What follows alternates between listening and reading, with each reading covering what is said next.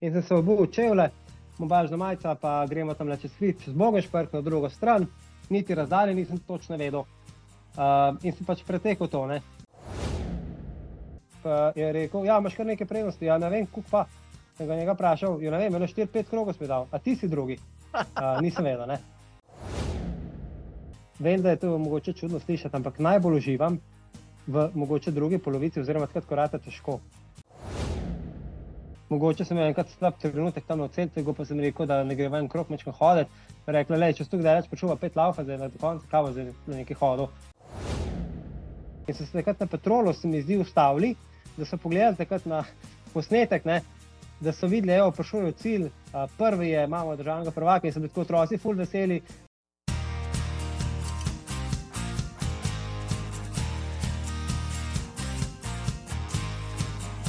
Ho, ho, ho, dobrodošli, spoštovani in spoštovani v tej predbožični oddaji podcasta za gre za tek. Jaz sem Marko Roblek. Ja.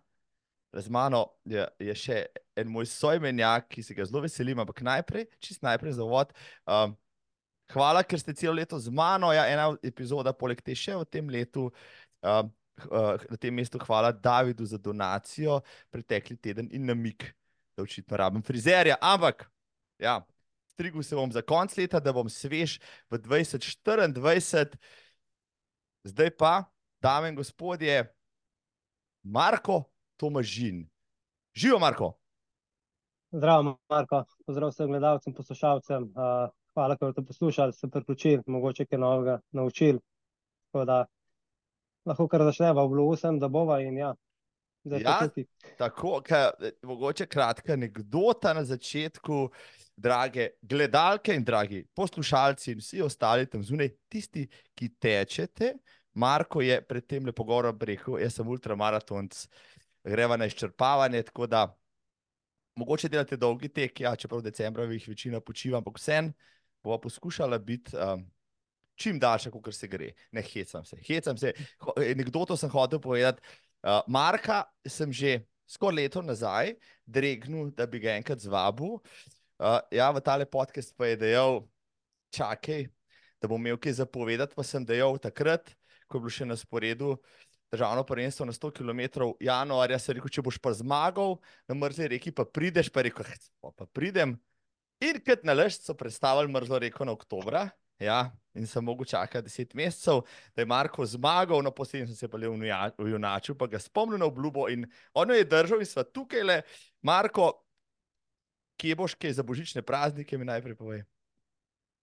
Uh, po vsej verjetnosti sem gibal nekje v hribih, na pokluki, tako da nekje, ko je sneg, tukaj v Ljubljani je skopno, tako da bo tam dosti lepše, tudi vzdušje. Rad hodiš tam na tiste pokluške konce, menda, ne? Ja, je res, Bohin me je, oziroma pokluka, no, sploh višina, veliko bolj všeč, kot pač neka ravnina, nižina, kotlina Ljubljanska, če temu tako rečem. Uh, tudi temperature čez poletje so tam bolj znosne, uh, redno pač hribe, uh, smreke, pač gozdne poti, tudi ceste, konc koncev se najdejo tam ravnine, če rabeš, vse. Da, ja. A, Koliko je od uh, mrzlega študenca do šport hotela, to si zikr večkrat že primeril z nogami. To je cirka, ne vem, tri kilometre, mogoče, Nič več. Ja, odvisno, kje, ja, tam nekje, mogoče nekje. štiri, ajde.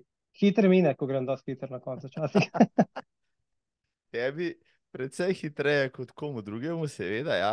Um, se pravi, boš tekel, si danes že tekel, mogoče imaš zdaj off-season ali že spet, že delaš za naprej.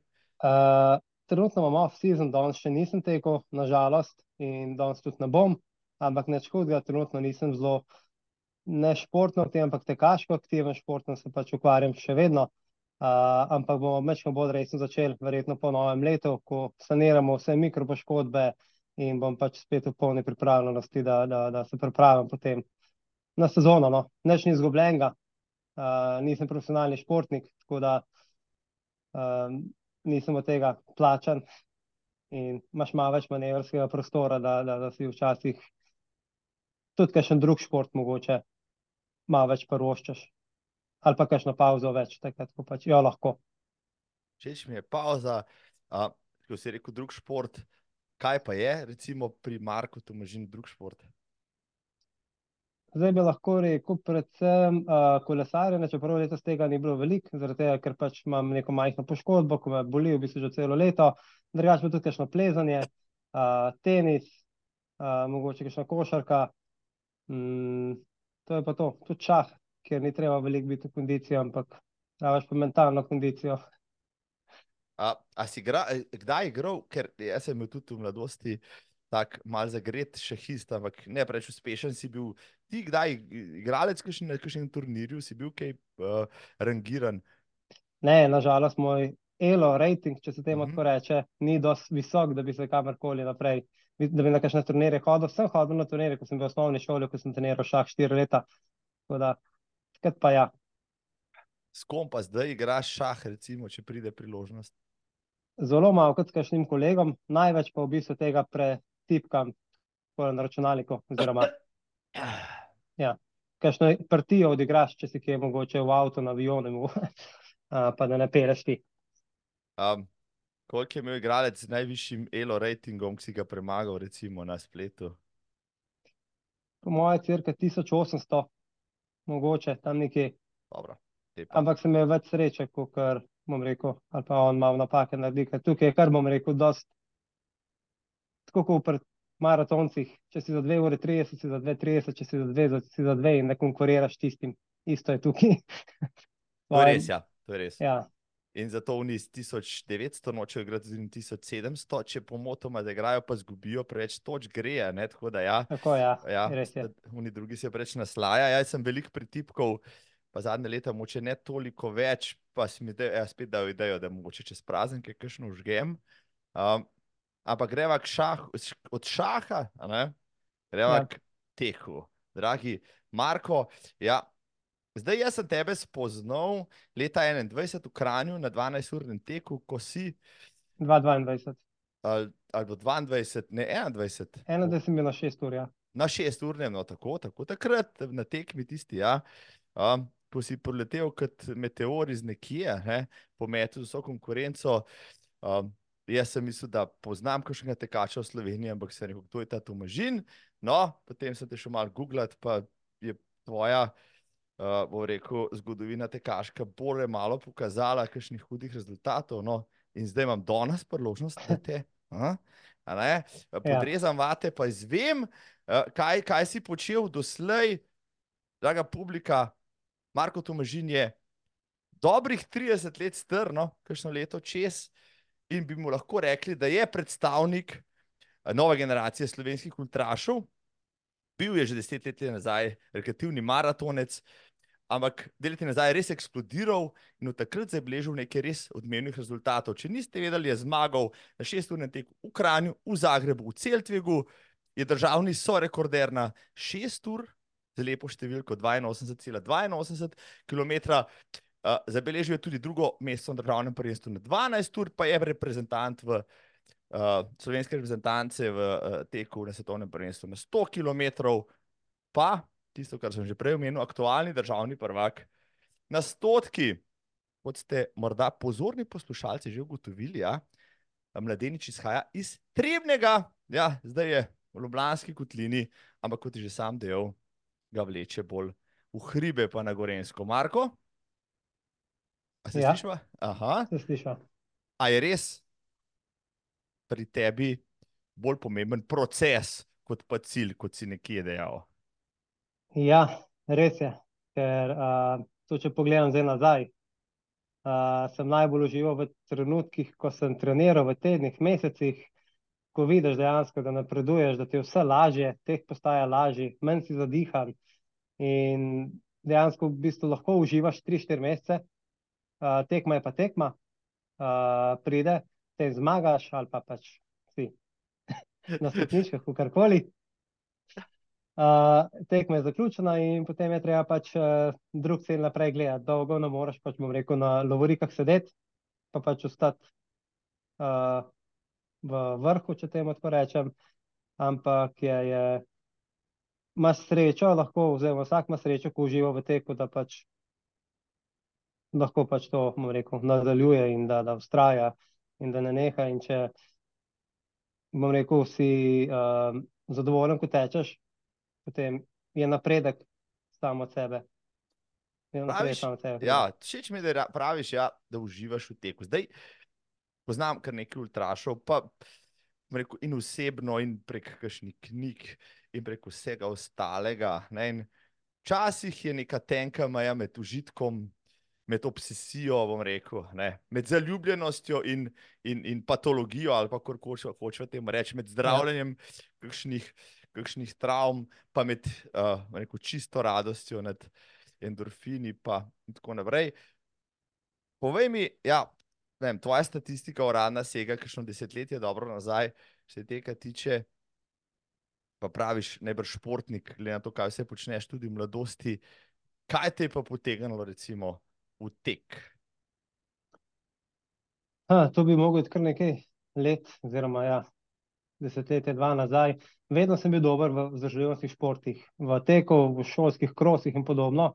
Uh, tudi tam pač sem nekako zastopil šolo na teh državnih prvenstvih. Res pa, da sem vsa leta treniral rokomet v rokometnem klubu Trima Trebne, vse do, bom rekel, mladincev.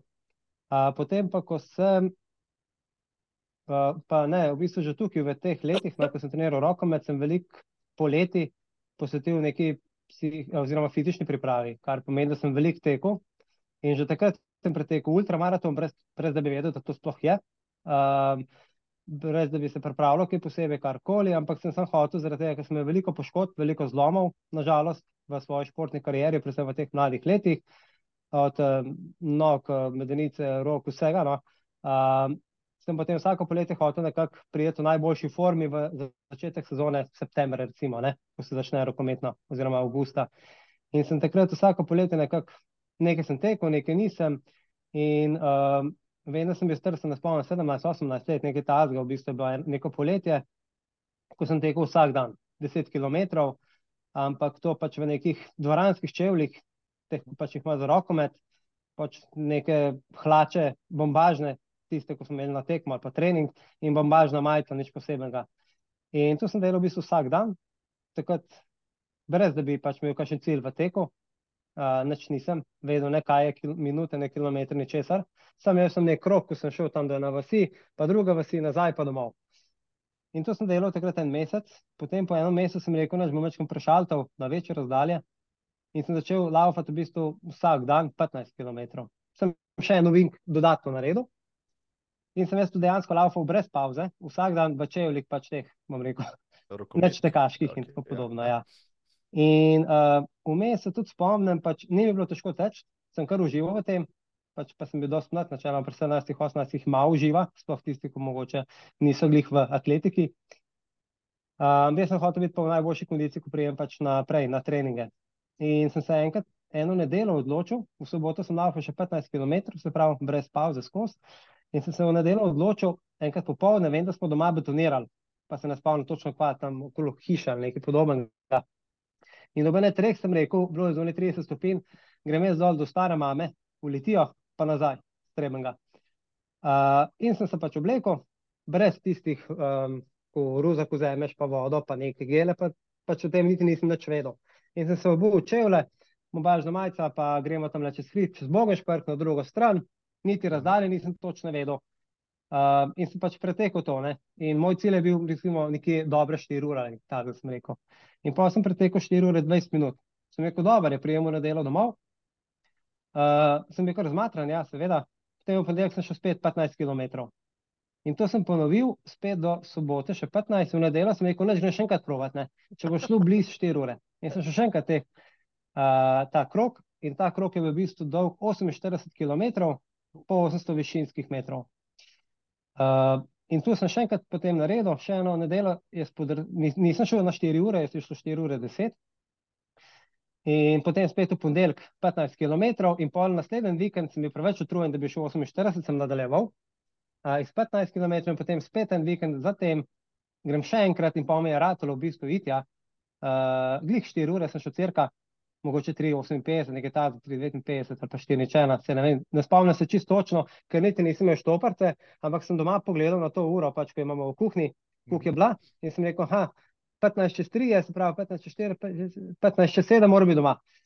Uh, in potem sem pač tekel tukaj brez da bi se karkoli pripravil, ja, in mi rad, tam glihe na 4 ure prideti, tam Litiji sem nekaj napolitank pojedel, uh, nekaj vode spil, in potem sem šel pač naprej. V kakšni gostilni sem vprašal za mečken vode, kakšen kozarc, tam vem, da bi en zver, sem rekel tam na Bogoš perko, mi tak pil, ko voda dol teče, zihar je čisto, če gre iz vrha hriba, pa si dost na vrh. Tako da ja, sem že dost pri mladih letih uh, nekako bil, uh, ne za svojen stekom, ampak ni mi bilo težko itno, ker tudi nisem vedel, koliko je to delač takrat. Mislim, ja, če bi te takrat odkrili, bi takoj dal reprezentanco za 50 km tek. Ja.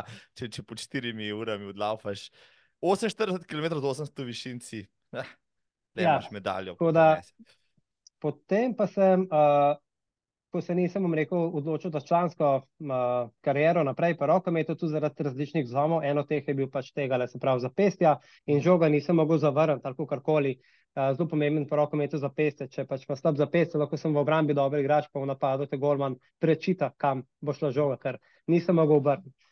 Potem pa sem v teh študentskih letih, malo sem laufal tam po mostecu, um, mestnem logo in sem enega sošolca, ko je pa raka krka treniral.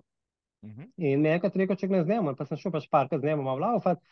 Tam nekam do ene ceste, do težaške, pa nazaj, pa je bilo do zame, no, 4, 5, 7, 10 km včasih nič posebnega. Pa je pa enkrat rekel, če gremo na trening, uh, na stadion, da je s trenerjem zmenim. Pa sem prišel, kje, pa je neke distance tako delal.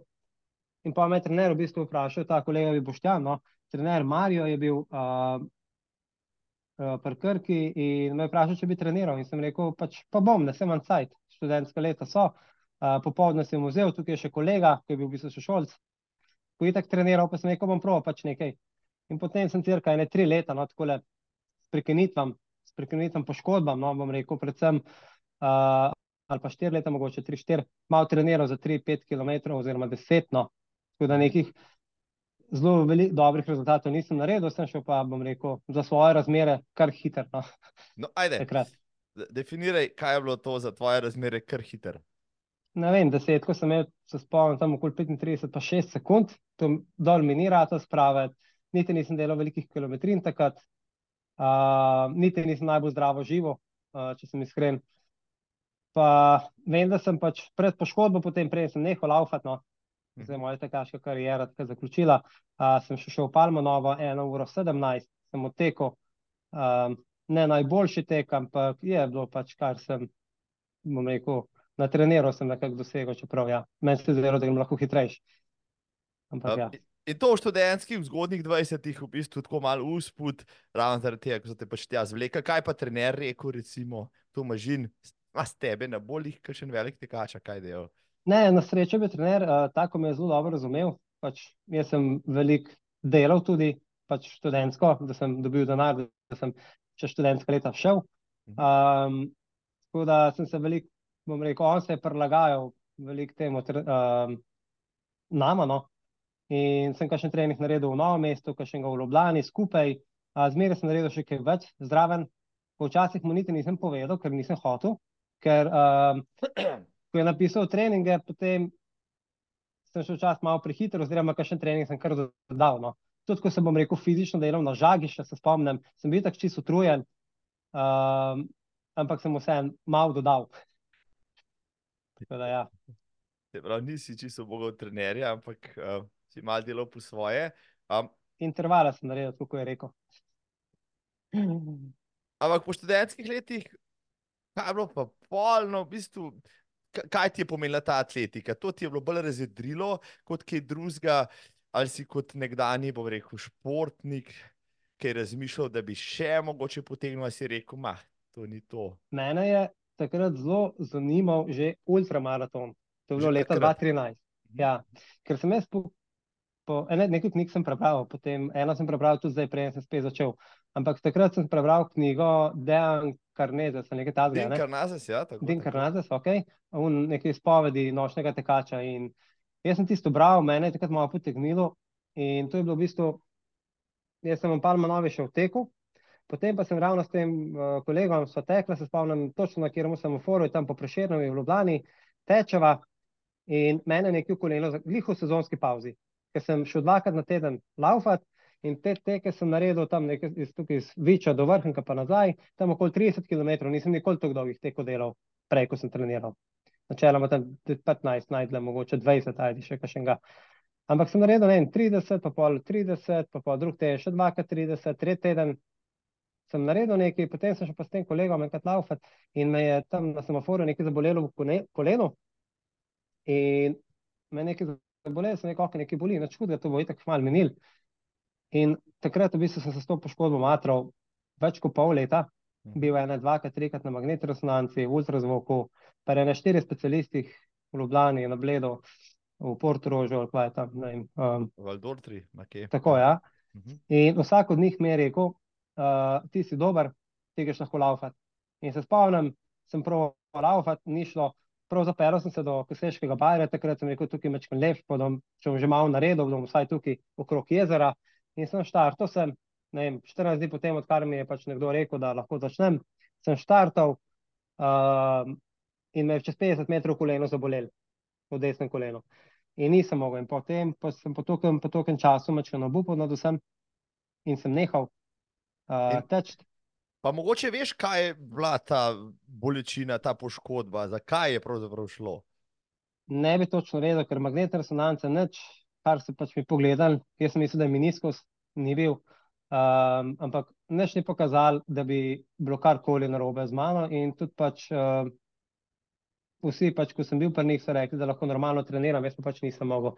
In to je recimo nekaj pol leta trajalo, vse sem matral nekaj tam 5 km, 10, pa sem dvakrat na teden, pa pol spet malo bolel, malo sem zube stisnil, pa je šlo, ampak to ni bilo to, ker pač ja, kondicija sem upadala, tekmovalno itak pač ne moraš nič potem, no, moraš sem čakati, da mine. Uh, tako da na koncu nisem v bistvu odkril, kaj bi bilo, ampak ja, potem sem pa prekinul tek za skoraj skor sedem let, šest, pa pol, sedem let, ja, do pač zdaj, ko sem v, spet Ampak, ponovno začel. No, pa vendar le si se vsako leto praktično pojavil, saj na Ljubljanskem maratonu pa odbil tiste štiri urice. Ne, ne, ne, uh, tukaj sem pa zamenjal. Aha, je okay. drugi Marko Tomažin. Tukaj to. je pa nek drug Marko Tomažin, ki je uh, iz novega mesta, kjer so tudi meni v bistvu lani štartno številko zamenjali in zato sem dobil napačen SMS tukaj na uh, telefonu, ko Ljubljanski maraton pošlje meni rezultat in vidim, ne vem, koliko je pisalo, 3 ure 30, 3, 45, spomnim se, točno sem rekel, čak malo. To pa nisem šel, ne, se pa sem videl. Ja, ker sta, ja, en sta, bila drug, oba, ja. sta bila oba dva, tako, tako en let sta bila ja, oba dva na maratonu. Tako, tako, uh, vmes se pravi, ok, pa nisi bil tudi ti, ampak kaj si pa počel potem vmes, recimo? Glede na to, da si bil športen človek, da si bil gibalec, da si bil, a si pač ne, igral košarko ali ja. kako. Ja. Malo sem vam rekel rekreacijo, igral košarko. Pa ni tam ti pa ni koleno, recimo, dejalo. Samo preteko načeloma, ko sem dvignil nogo tako daleč nazaj, me je zabolel. In košarko potem, potem plezanje sem začel, uh, mi je bilo zelo všeč pač to v skali, malo menj na plastiki v dvorani, um, kolesarjenje, ampak to zelo, zelo malo. No. Um, kaj se vem, par tur na let, mogoče deset. Um, to je pa to, dolgo sem pač ene deset kil gor takrat, uh, zdaj spet dol. Uh, tako da, ja, uh, športom sem se pač nekako ukvarjal, športom, ampak ne s takim, s katerim bi si želel, kar pomeni vzdržljivost. Kolo me pa ni toliko potegnilo, da bi pač investiral toliko časa noter, pa ga ono tista padala. Um, tako da, ja, je bil še zmeraj tek, kot ja. kaže, če sem že takrat iztekom uh, v mladih letih, pri 17-18, nekaj dolgo razdalje tekel, potem sem nekako razumel, da je tek tista stvar, v kateri sem najbolj užival. Jaz sem tudi pri 17-18, potem treniral z, z dvoranskimi copati, svoj prvi maraton v Blan pretekel, enih copatih, ki so ne bi bili za rokomet, zelo. Tako, tako je, ja, ja, sem si počul, ne, mislim, dve koščice, ampak to ni važen, spomini so lepi. Um, to kot uh, od tega, ne, tle sem prej prav samo bojal spomin, ampak uh, sedem let ne tečeš od svojih, recimo, dvajsetih, ok, si predstavljam. Ni do 30, v bistvu, ja, tam nekje. Jaz sem tudi, ne vem, tam nekje 23, 24 dosegel najboljše rezultate, potem pa prideš življenje, pa šiht, poveznosti, pa mal oladiš, pa potem pri 30 se recimo zaveš, da nisi več uh, v 20, ne?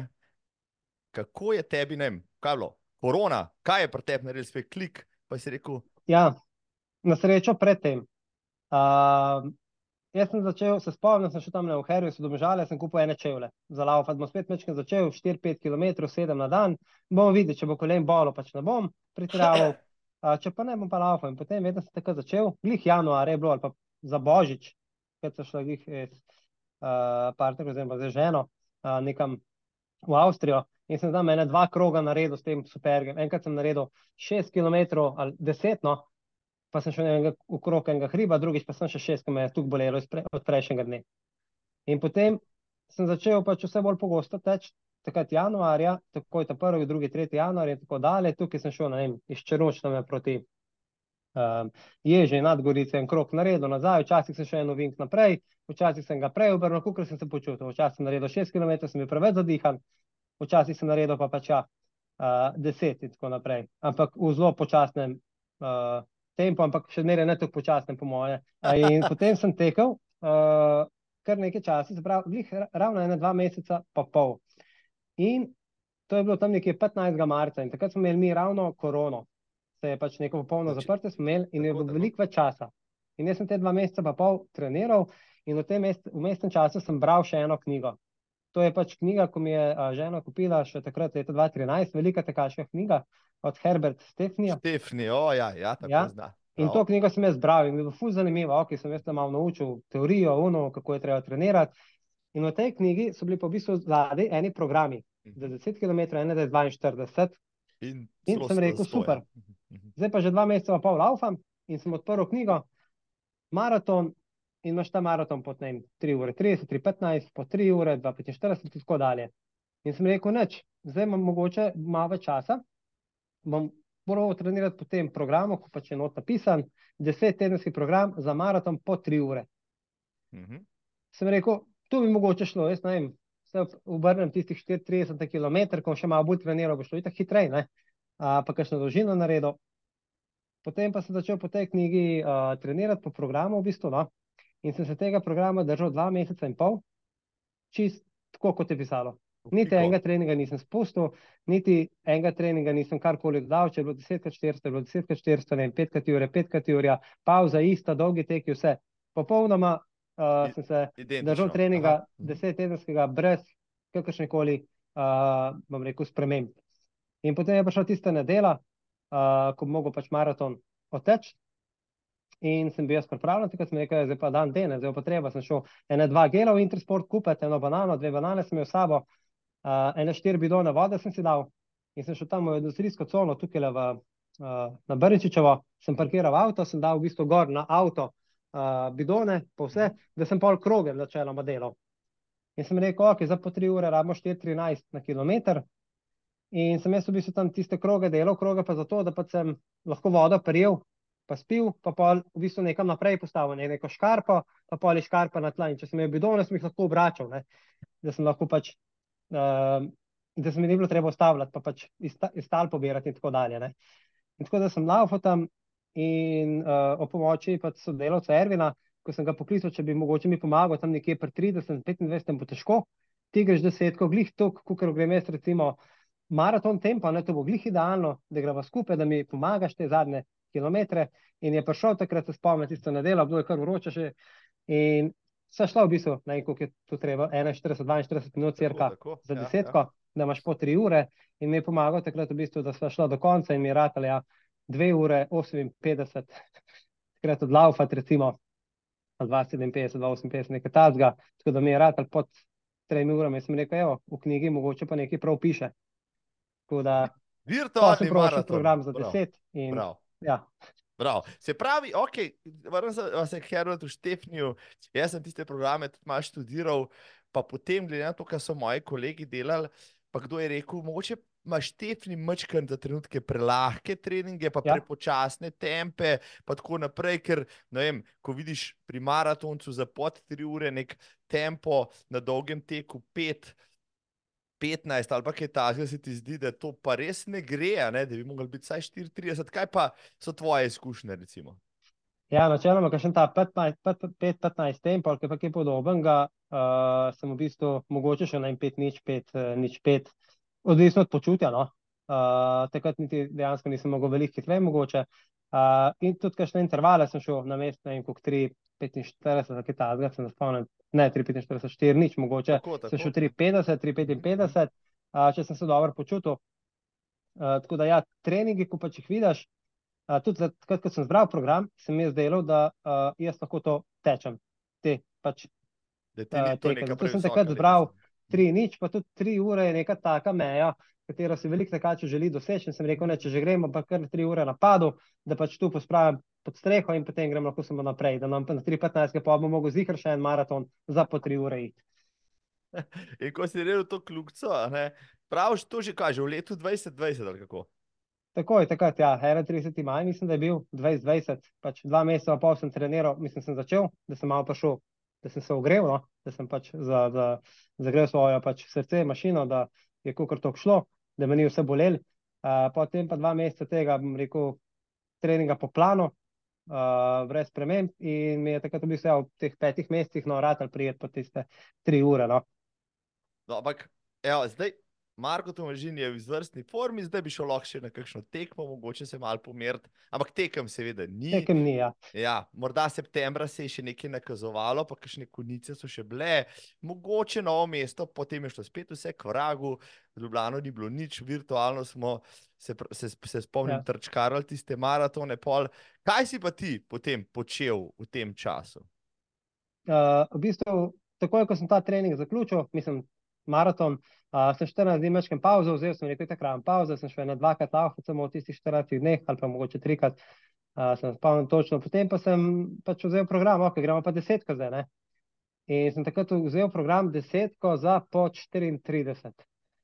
Ja. In sem rekel, 35 sem zašel, 34 te intervali, tule mogoče bo pa šlo, kaj pa vem, nekaj hitrosti pa imam, no, mogoče tudi naravno, a, da lahko pač to hitro obračam noge.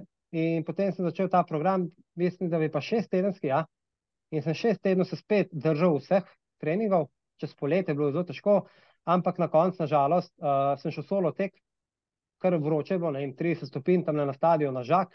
Sem rekel, mes tukaj le desetko obrnil, zdaj na stadionu, in se naštimal, ne vem, koliko je bilo treba, je 3, 24 ali 3, 22, 3, 20, 3, 20, mislim, da. Mhm. In sem rekel, pač laufal tam nekje do 5-6 km, mogoče 3, 20, 3, 22, potem pa je tako zadnji kilometr še nekaj dubo, ne. Do takrat bom pa stisnil, ampak me je tukaj prekuhal takrat, da sem bil čist fertik in se je pač vse skupaj, um, ni mi pač išlo se, no, da bi šel 34 minut takrat, ampak nič hudega, no, ker uh, tudi razmere niso bile ta prave. Trening, mislim, da mogoče ni bil najbolj ta prav, oziroma ga je bilo sigurno premalo za, mislim, da je bil v tem kratkem 34, času mhm, mhm. šel na 34. Um, tako da, ja, takrat ni ratel, potem pa spet, sem spet začel s programom, ne za 2,45 za maraton. In sem tu 14 dni vztrajal, se spomnim, da smo bili na dopustu.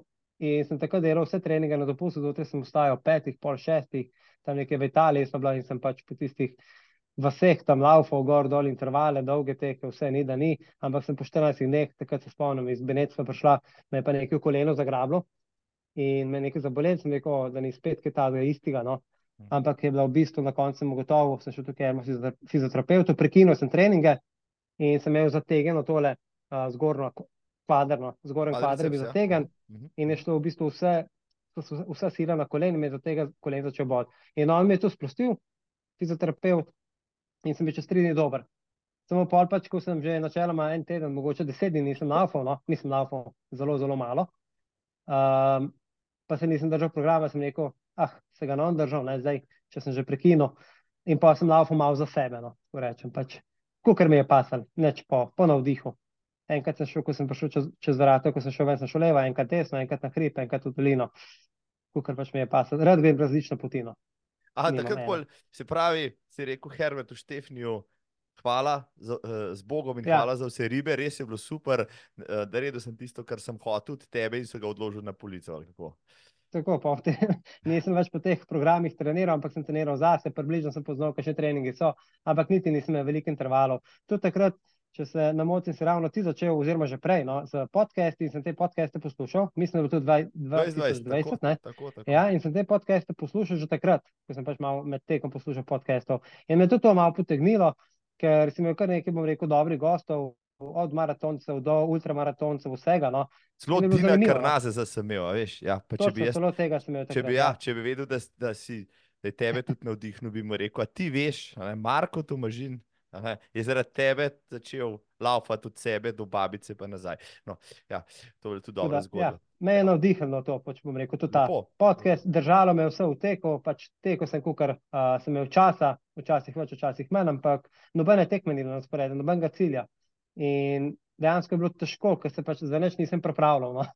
Ja, kao, 21, evo, 21 je, se je zgodil eden me, meni ljubih ljubljanskih maratonov, to je bil tisti po-koronski, ko nas je bilo, mislim, da samo 4000 Ja. v centru Ljubljane. To je bilo tak privilegij, cela Ljubljana zaprta za 4000 ljudi, od tega maratoncev, ne vem, bi še bistveno manj, uh, tisoč ali koliko. Uh, tak, kako da takrat nisi recimo prišel to Ne odlaufati? spomnim se točno, kaj je bilo leta 2021. Mogoče sem imel dopust, odsoten, verjetno nisem mogel takrat 2021 na maraton pridati. Uh, ampak sem se pa že prej odločil, 2021, ravno takrat, ko sem odtekel 6 ur v Kranju. Mhm. In na teh 6 ur sem se prijavil v bistvu sem z enim ciljem, da uspem tam maraton spraviti pod 3 ure na tej progi, pač ko bo, recimo kot tekma nekaj. In sem rekel, neč grem provat, da grem po 3 ure maraton, če bo šlo. In ker nobene tekme ni bilo. Pa sem pa rekel, 3 ure odlaufam ali pa mogoče, če kar bo šlo, potem se za pol ure usedem. Uh, itak je tudi tek pač na, se pravi, na čas. In se lahko usedeš, lahko malo hodiš, lahko malo počivam, tam nekaj pojem, pa grem naprej potem, ne, ker se nisem neki ful.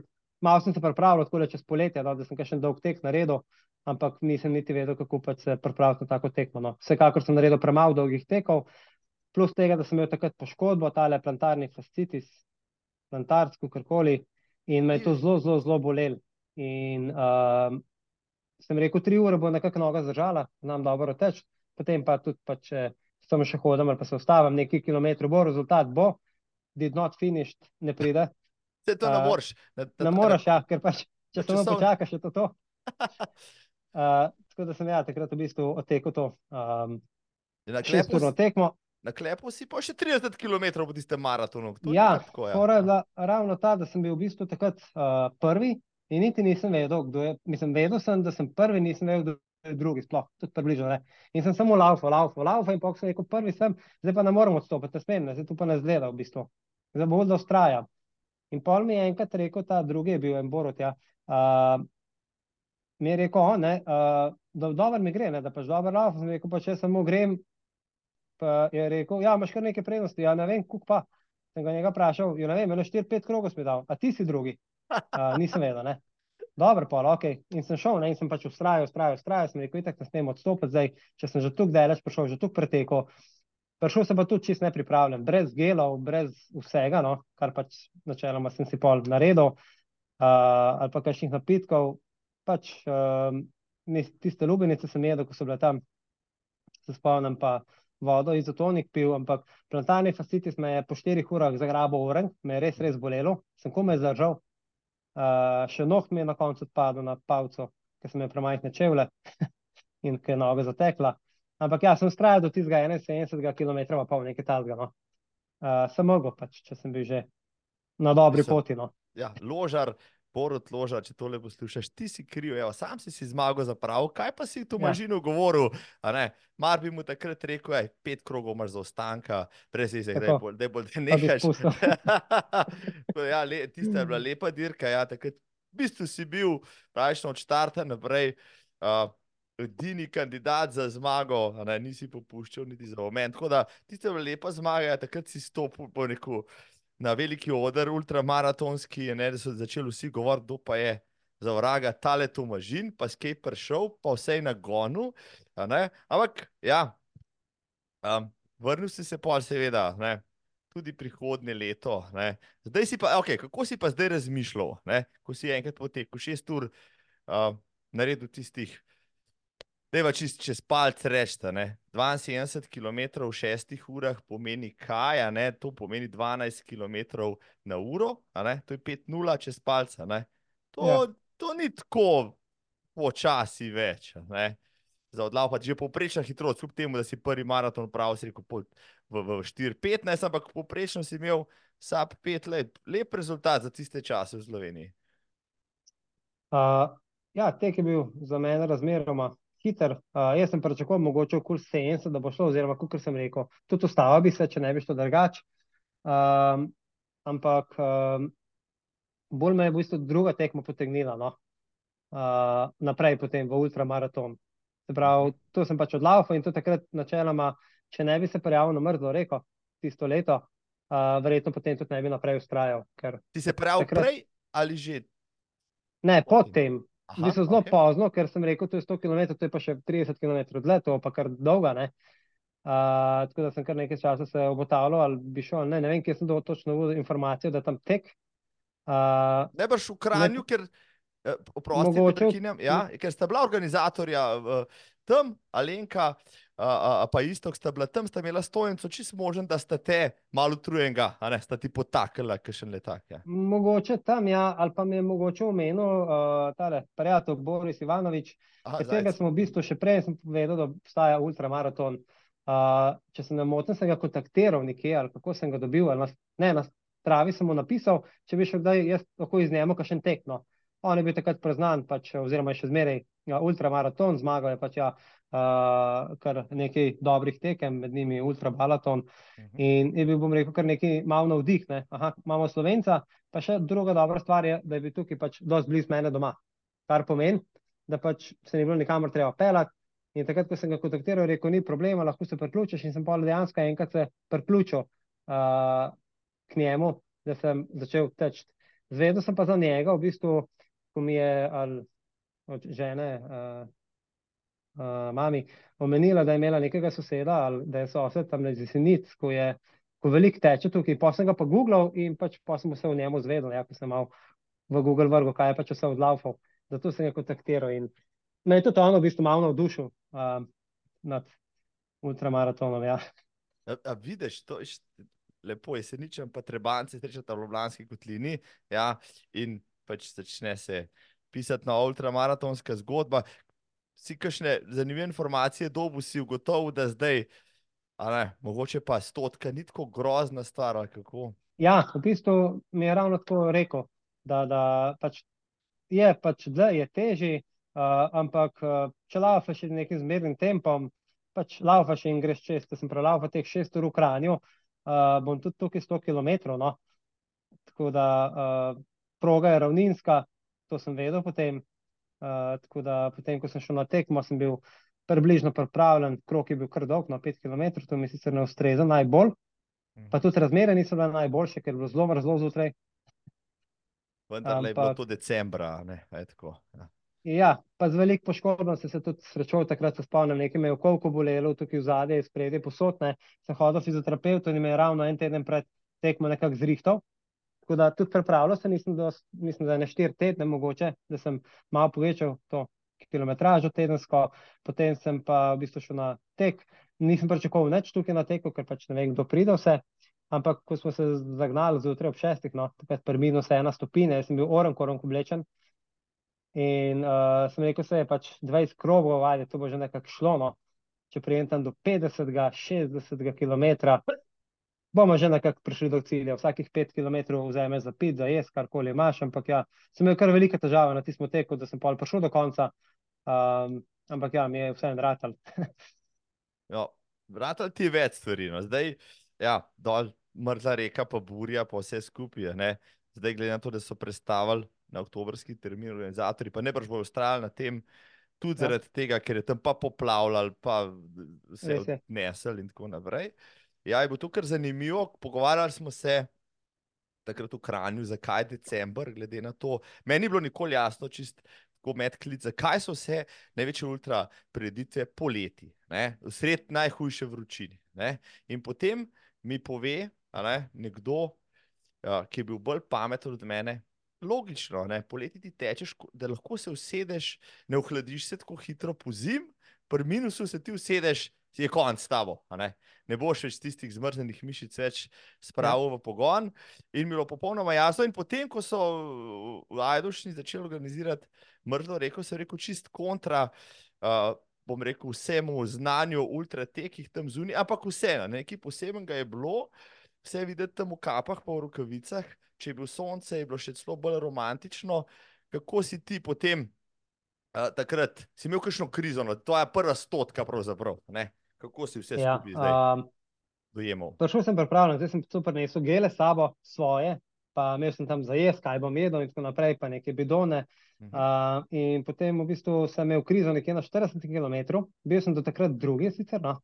Uh, in takrat me je krč parjel v zadnji stegenski mišici, orenk. In potem sem hotel to raztegniti, nekako me je res bolel. In sem prav v bistvu se naprej predklonil in me je tu zabolelo zadaj, zategnil, da sem se komaj nazaj dvignil.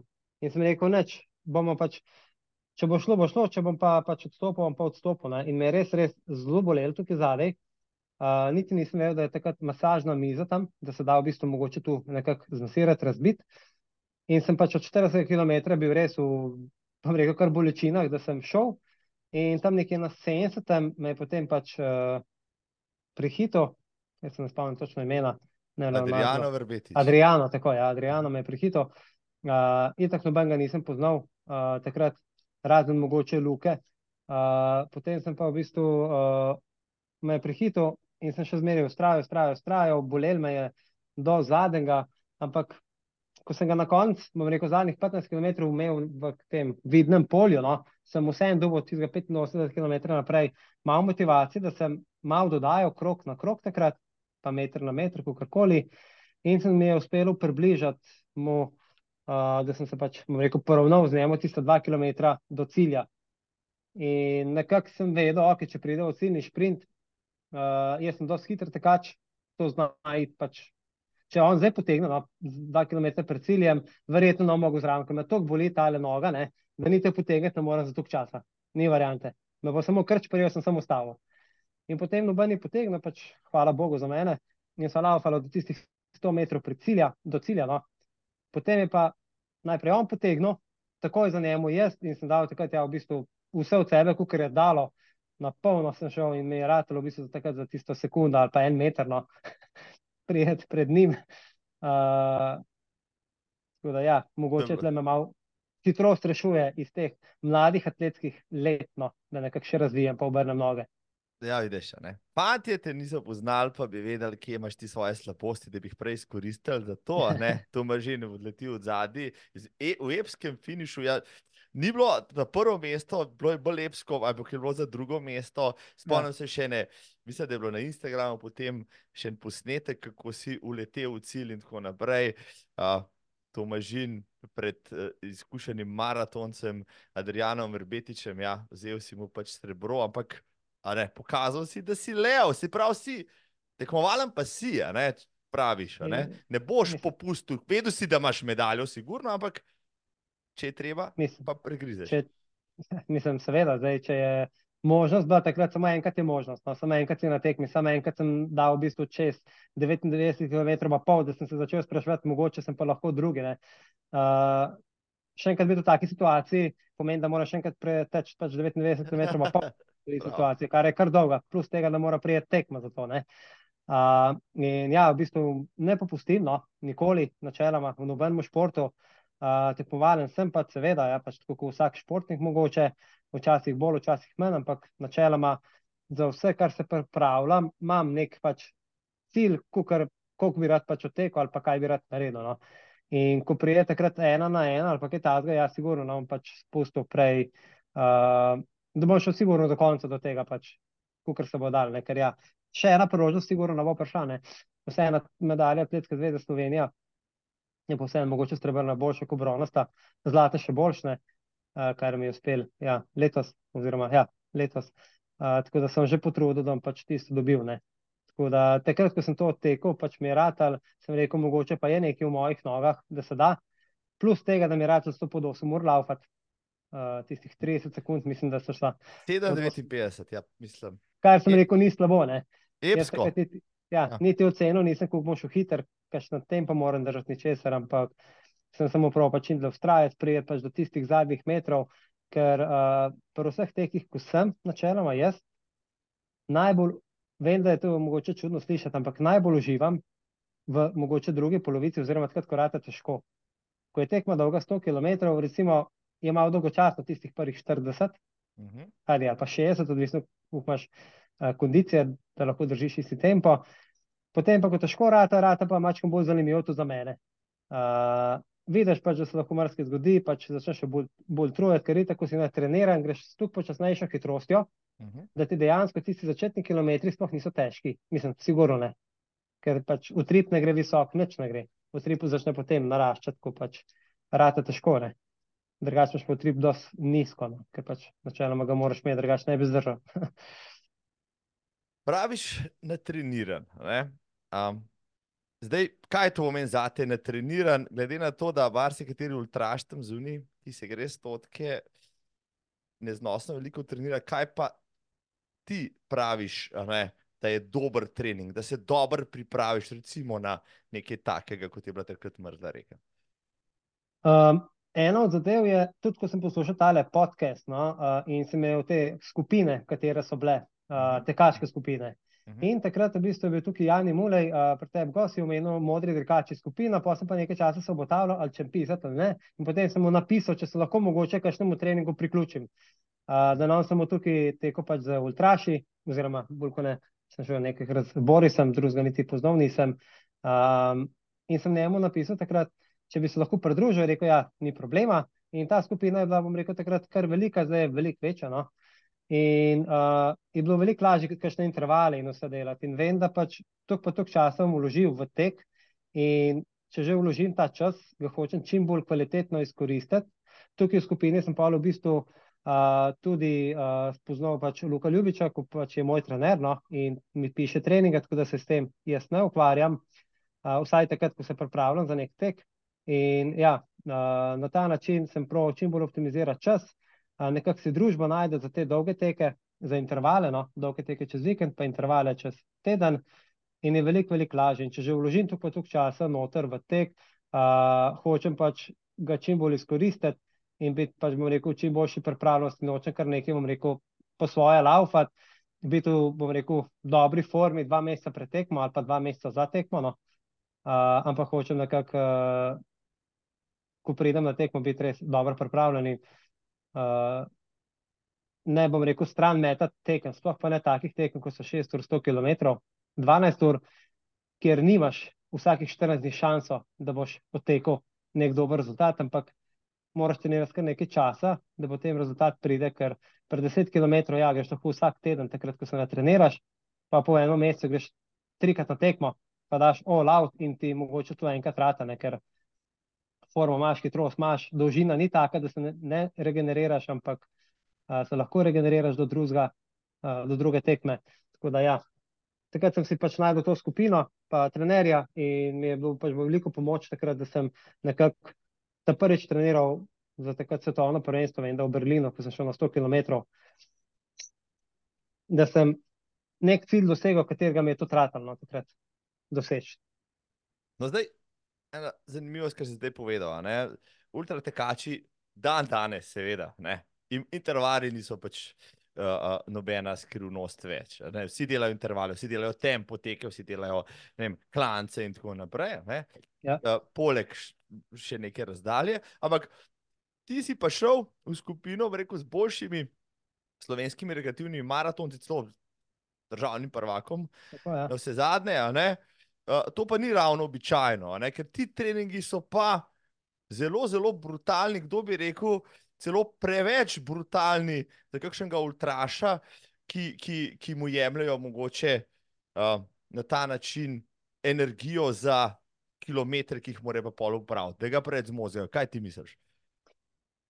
Uh, o tem nisem veliko razmišljal. Jaz sem, sem pač razmišljal o tem, da rabiš neke ljudi, podporo. No? Uh, v tem primeru pač skupino teh modrih dirkačev, da imaš nekoga ob sebi, ki ti pomaga pač pri tekih. Zdaj, uh, vem, da so te treningi hitrejši in na srečo imamo v skupini. Uh, je tako, da dejansko ne delamo vsi istega treninga, kar pač ne moramo, ampak nekdo ima intervale hitrejše, nekdo počasnejše. Uh, v najboljših, bom rekel, v najboljši formi sem se lahko najhitrejšem pridružil, pa delal normalno. Uh, tako da hitrost, bom rekel, za nekega ultraša, ja, uh, bom rekel, ultraša, ja, za teh 100 km, pač, ko sem jih hotel preteči, sem imel v nogah, zelo preveč mogoče, ker večina treningov potem je tudi bazirala, ko sem jih sam delal, na počasnejših intervalih, pa daljših, ne, um, ne na tisočmetrskih intervalih, ko pač, ja, ti ne koristijo tokno. Sej, če jih narediš deset, sigurno nekaj korist, pa imaš dolgo ogrevanje, dolg iztek. Um, pa če bom rekel, uh, lahko to zdržiš, pa ali pač ni nič narobe. Plus tega, da sem še zmeraj malo hibrid, oziroma vedno sem si želel neko hitro desetko odlaufati, načeloma sem tudi jo, pa 21, no, uh, in maraton. Tako da sem hotel jaz v bistvu pokriti od 10 km do uh, sprav, teh 100 km ali pa še 12 ur. In če bi sem za dolge razdalje treniral neke razdalje, vsekakor bi izgubil hitrost uh, in sem hotel hitrost nekako obdržati, ker jo imam in potem pred tekmo dodajati, bom rekel, te dolžine, da prideš pač, uh, da povečaš svojo zdržljivost in spustiš tempo, zato velik, da se ti kar počasi mogoče zdi od štarta, ko laufaš. No.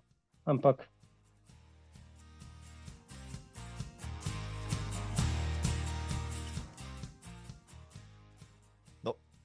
Svetovno prvenstvo si umenil, ja, 100 km. Kdo te je poklical? Predtem si namreč še enkrat nastopil v Kranju, tokrat ja. na 12-urnem teku, to je bila pač neka nova časovna uh, zadeva za tebe, malo daljša. Ne? Namenoma si šel na teh 12 ur, ker si še nisi preizkusil tem, namenoma za to treniral ali kako? Ja, spet sem v bistvu zelo malo časa treniral, mogoče ne šest tednov, nekaj tazga. Uh, do takrat sem treniral, kaj se jim zdaj, če povemo, kilometrih 50 do 80 km tedensko, uh, potem pa sem se spomnil, tudi do 200 prišel tedensko takrat, pred tem 12 urami, tako da sem velik tekel delal, malo manj intervalov, pa velik dolgih tekov, po 30 no, uh, km, pa potem čez vikend mogoče še dlje.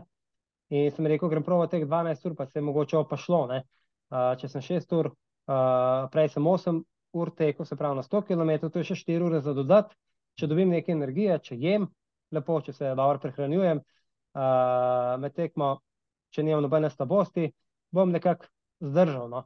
Uh, tako da sem takrat čov, imam pa mogoče malo nesreče, da ne tečem dobro v vročini.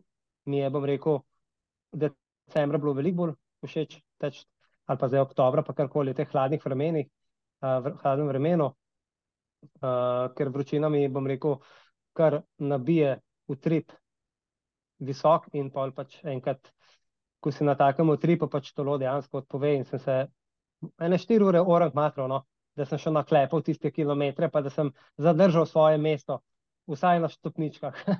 Tako da. Mislim, kljub vsemu, kako si se mučil, no, kdaj, kdaj je bilo res, res pol težko, zdaj ne vem po osmih urah, že po šestih. Ne, ne naš... po šestih, niti ne, tam pa osmih. No. Uh, sem imel kar krizo, ko smo imeli še prebavne težave. Jaz se nisem veliko posvetil tej prehrani, kaj moraš jesti.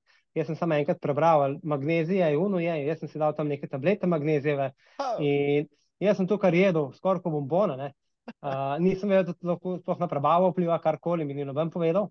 In ja, pa sem imel kar malo prebavne težave, uno, vse me je zvijalo, vse me je bolelo. Ja, to je prvi tako, ja, da bi ti dejal donat na ukrečevalnici. Ja, ja. Tako, ja. In na koncu mi je vse enratal, no, nekako uh, stisnem tiste kilometre, še zmeraj, ja, ne bom nehal, ker sem bil, kaj, če se namotim, ja, na tretjem mestu. Vmes sem še dohitil tega nekega španca, Ivana. Penalbo. Ja, Ivan Penalba, ja, ja, ja. Eden Med... velikih favoritov, pa si mu dihal za uratnik, se spomnim vmes. Ja, ja malo sem prehiter začel, no, tudi to me je uh, zmatral in jaz načeloma med tekmom ne gledam na uh, uro, uro imam, jo žgem in potem laufam pa 6-8 ur, 100 km, 12 ur in ne gledam na uro tempo, pa to vsak kilometr. Grem po občutku. No.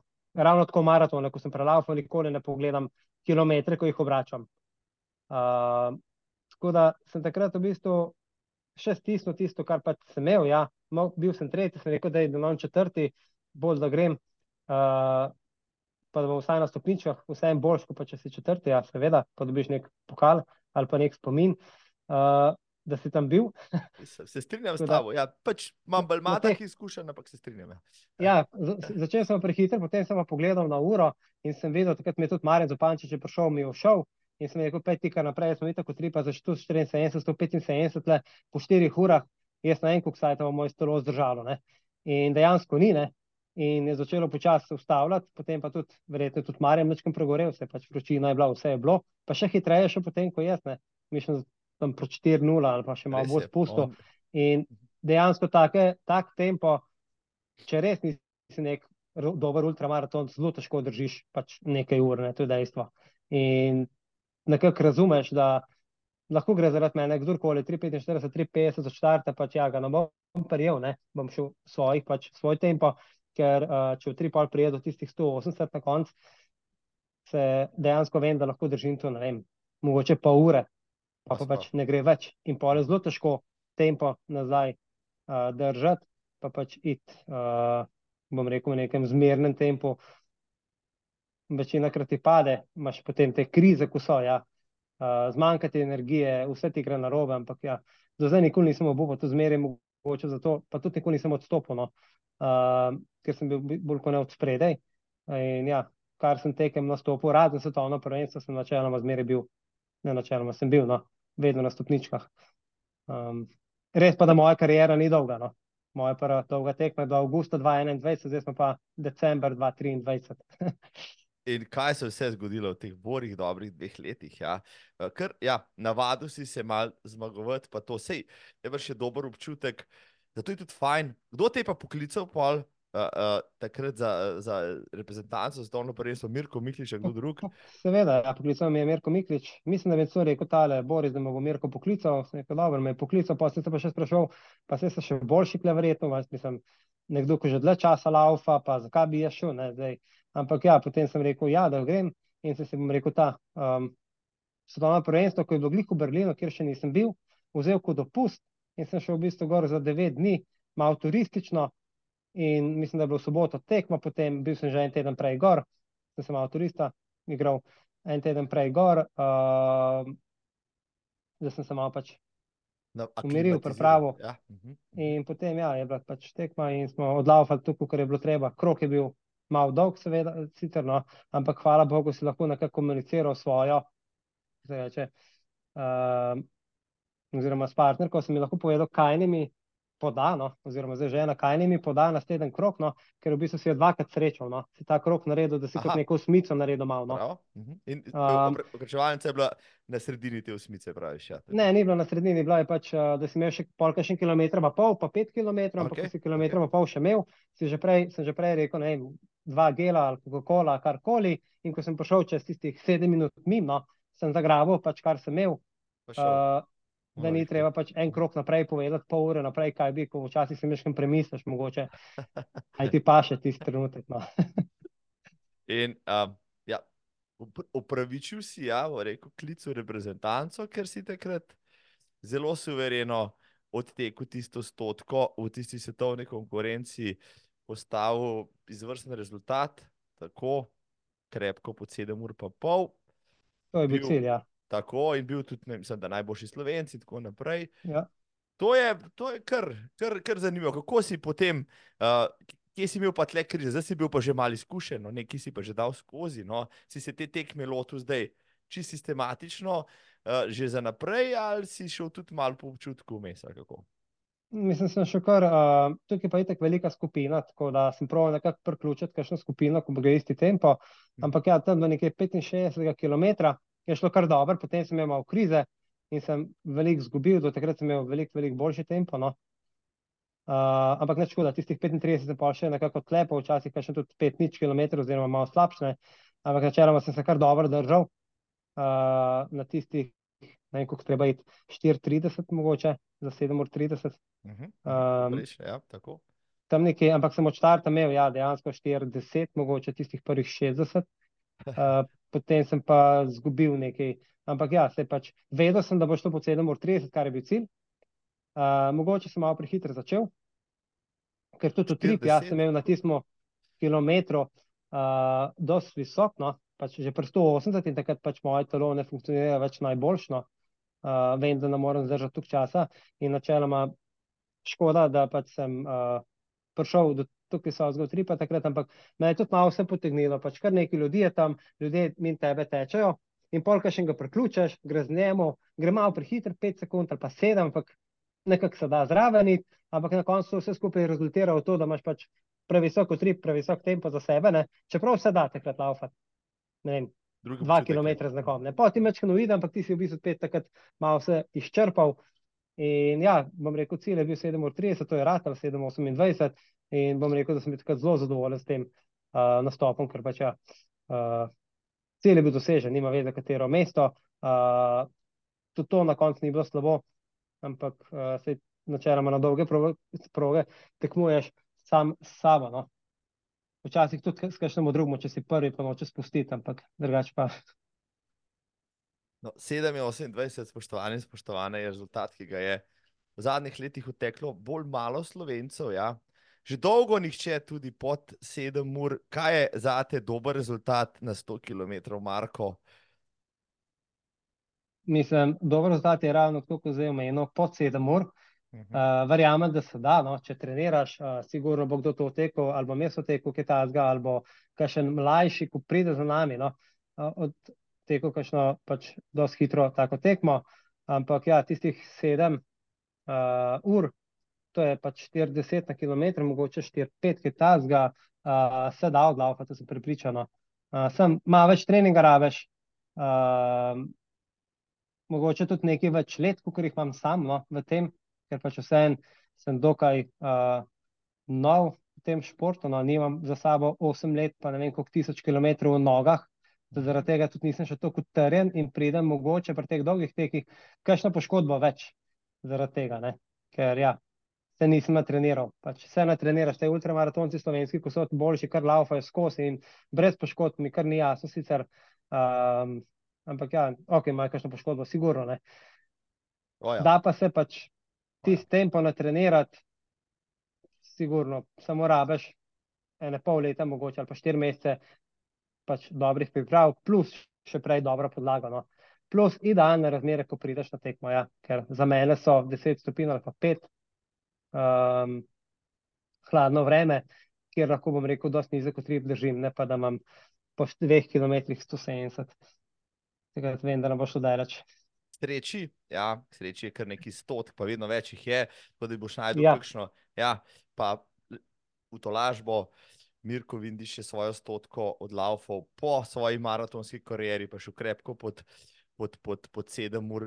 Ja. Tako, ja, mravlje, jasno, ja. tudi on je bil že krepko, poznih 30, ko je odlaufal tistih 6-49, nekaj tazga. Tako da, uh, ja, evo če smo pri tem, da držimo pesti, da bo uh, kmalo kakšen slovenec podaril uh, Kejžarov rekord na maratonu. Ja, pa zdaj držimo pesti, ja, da bomo kdo, kdo, mogoče kdo podaril. Mislim, da je, je uh, Mirko Vindiš tisti, ki je uradno zapisan kot rekorder na 100 km ali je 647 ali nekaj. Nekaj tazga, ja. Se je bil tukaj tako. gost takrat pri tebi, pa ima nekaj ta 46, 48 na svetovnem prvenstvu, vem, da je to nekje dosego, kot je rekel. Ampak on je bil res vrhunski maraton Maratone, svoje tako, čase. Tako. In tako, tako. je že maraton oddal po 2 ure 13, ker, ker v bistvu je kar nekaj razlike do mene. Uh, ampak na vzdržljivosti se da, bom rekel. Pač hitrost načeloma imamo, jo ima marsikdo, ne samo jaz, uh, ko lahko to drži, samo pač uh, kdo je pripravljen mogoče kakšno uro več uložiti v to da zdržiš to hitrost.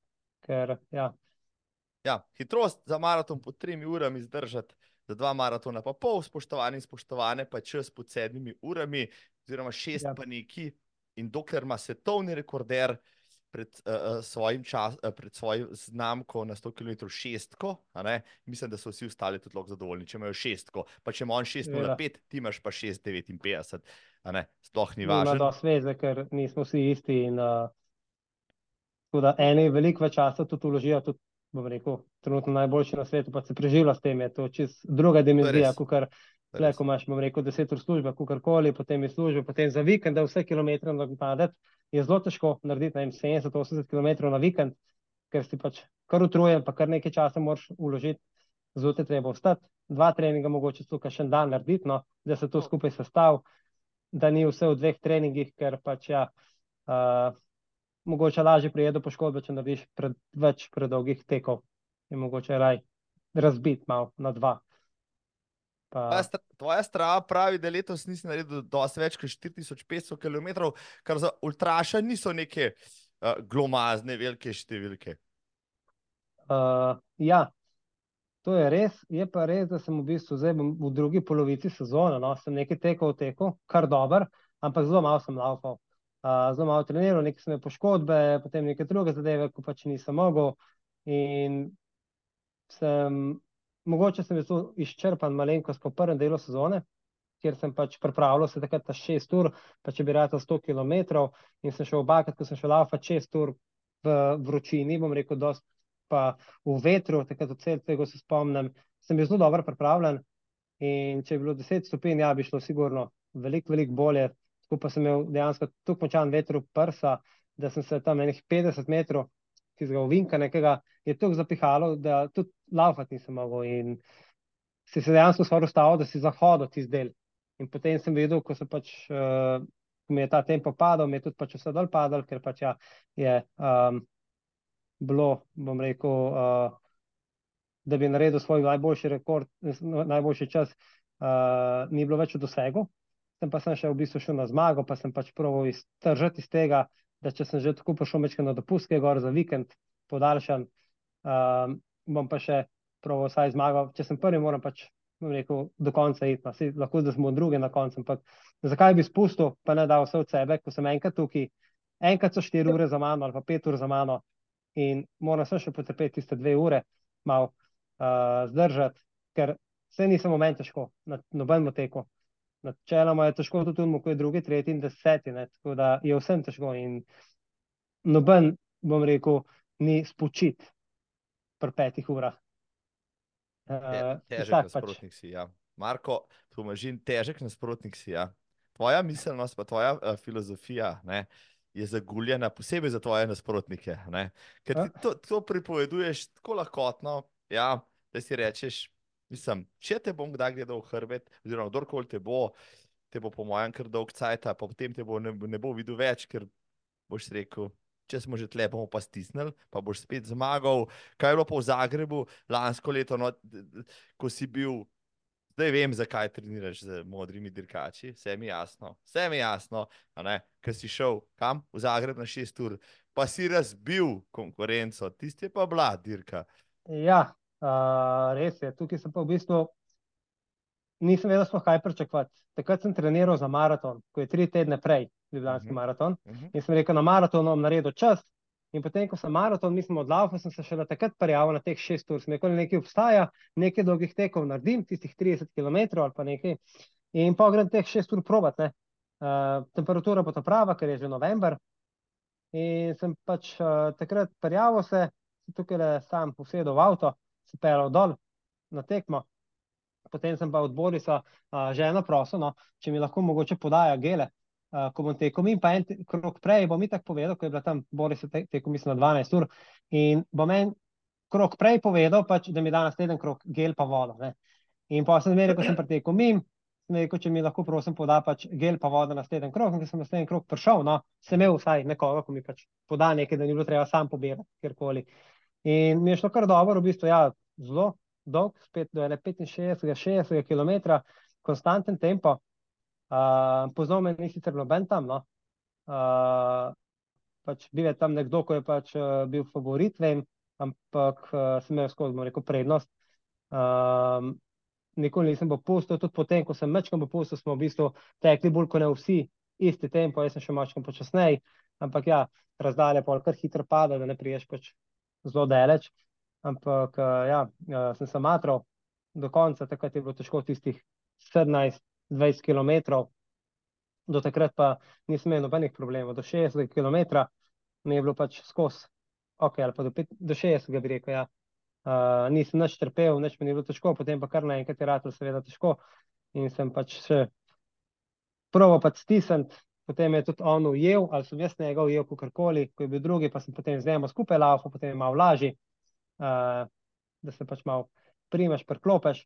In tako imaš le krok ali dva prednosti, se ne spomnim točno, to je dovolj. No? To je zelo težko pridobiti.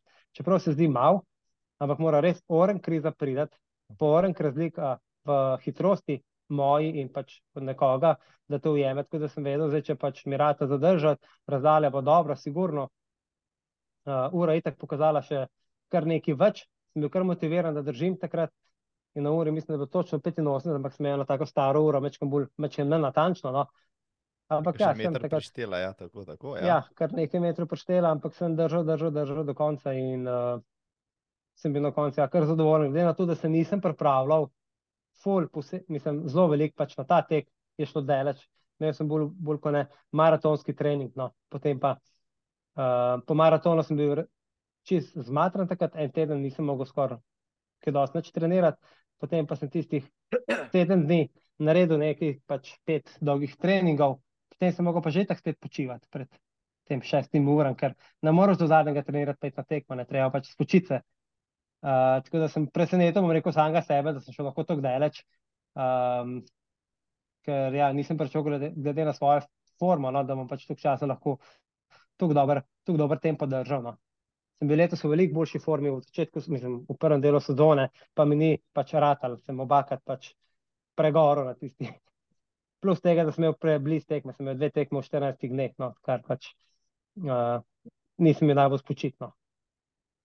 No, to, evo, to jesen, 22, si zaključil perfektno na maratonu v Ljubljani, 2 uri 42, izjemen čas, potem v Zagrebu 82,82 km, uh, s katerimi si potem vzel ja, državni rekord. Ne? Najbolj hecno se mi je zdelo potem letos v Kopru na 24 na 6 urnem teku, ko je Uroš Strnec odtekel, rekel, tudi 82,82 km, jaz ne vem, kako so mu ponamerili raven točno toliko kot tep takrat, ampak zdaj očitno imata oba dva ta, držita ta rekord, je ja. to že premagal. No, da, mislim, da, še mislim da še ne. Škoda, da nisem bil takrat tudi jaz v Kopru mogoče, da bi bil pripravljen za to. Da bi se udarila. Uh, ker se mi zdi, če bi oba skupaj, no, ker on zelo dobro trenira in ima, bom rekel, kar zdržljivost, res dobro, hitrost, vse. In se mi zdi, če bi bila skupaj takrat, da bi šlo to kar delati za oba možno, da bi da en drugega v bistvu potegnila. Ja, sigurno. Pač težko je najti nekoga, da bo z njim tekel na teh pač tekmah, ko so pač tukaj v bližini, v Sloveniji, na Hrvaškem, Avstriji, Italiji. Uh, ja, pač za razliko na svetovnem prvenstvu, pač če v Evropi ali še gre, če nekje full delec, so stroški previsoki, da bi šel na kaj tazga. Uh, ampak, uh, če imamo skupino, se pa da, bom rekel, dosti dolg časa uh, držati držat tempo od nekoga. Ne? In ja, škoda pač, da, da nisem bil tudi jaz takrat, ampak nažalost po vseh. Nisem bil še pripravljen, da bi šel takrat 1. mislim, aprila, nekaj takega je bilo, prav, da bi šel na to tekmo. Uh, sem bil v slabi formi. No. Čutil sem se, da še nisem v pravi formi in zato nisem tako zbral tekme. Če že tri mesece, štiri mesece treniram, bom večkrat drugačno tekmo zbral. Ker pa sem tudi jo, ne, pa sem v bistvu še vse slabši, mogoče kot šel takrat v Kopro, ampak vse nima dosti veze, izkušnje so izkušnje. Uh, na koncu tudi pač, uh, nekaj potegneš iz tega, uh, izkušnje v teh tekih, no, predvsem dolgih, zelo veliko pomenijo, vsaj meni se zdi. Uh, da si v taki situaciji, ko pač moraš ustrajati, ker 10 km tekme pa se lahko odločiš, zdaj pa takoj v enem delu, v prvem delu sezone, v drugem delu jih naklepeš 4-5, brez problema pač pri teh tekih pa pač žal ne, ne. so predolgi, preveč izčrpajoči, da bi ti kar uh, enega za drugim. Ni šel, pravnih izpitov, toliko. Ja. Lahko ja. greš, ampak, ampak če treniraš, bom rekel, po nekem planu, vse velikih ima nek plan, sej ga nimam samo jaz, daleč od tega. Ne. Veliko se jih prepravlja, pa ne teče kar v prazno. Uh, še posebej, če vložijo to kurku, kar vložijo. Ampak uh, Ja, če pač treniraš, potem pač hočeš čim bolj tudi nastopiti. Ti ni, bom rekel, čisto vse en, če bom zdaj samo malo prehodil tukaj ali pa karkoli, vse en hočeš dobiti nek rezultat. Če si nekaj, bom rekel, 12 ali pa 15 tednov, 15 tednov, recimo, treniral za, za, za neko tekmo, ne? Ko je v bistvu samo ena šansa takrat. bolj kot ne, lahko pač, ali mogoče bo še ena čez en mesec, ko se malo spočiješ, ampak dve pa maksimum. Ne? Tako, tako. Ker ja. Boš težko tekel eno za drugo, zelo hiter. Ja, še maratoni so zahtevni. Moče, ja, kot se reče, desetke, polovičke še gre, kaj več, kaj več je pa preveč, preveč zahtevno za telo. 82,82 je slovenski državni rekord. Zdaj, prejšnji teden sem imel pogovor z Danielom Hajdinjakom, ki je imel svoje čase rekord 83, pa nekaj, ampak potem so ja. tisto progo na novo izmerili, pa so mu vzeli tisti kilometr pa pol in uh, vseeno, ja, sem... s tistim časom potem ni bilo nič. Čas se kar uredil, dobro. No? Uh, res, da je pač 100 km čas hitrejši na minut na kilometr, in sem prepričan, da uh, bo nekdo v naslednjih letih pač na 6 ur sigurno pač čez, to je dejstvo, ker pač rezultat res ni zelo, zelo visok.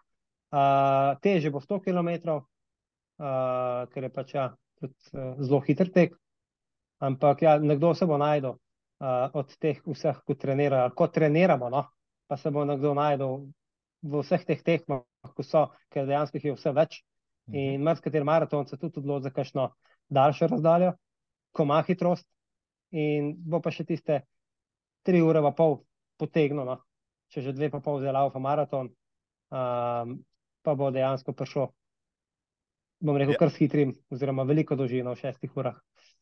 Ja, ja, poznam maratonca, ki je rekel, da bo šel na 6 ur tek odteč dva maratona, ne, to je 84 km pa pol, tako da, lej, kilometr pa pol še tvojemu času nekdo doda, moče ti sam, pa je to že dva lepa maratona pod tremi urami. Ja, ne bi se branil.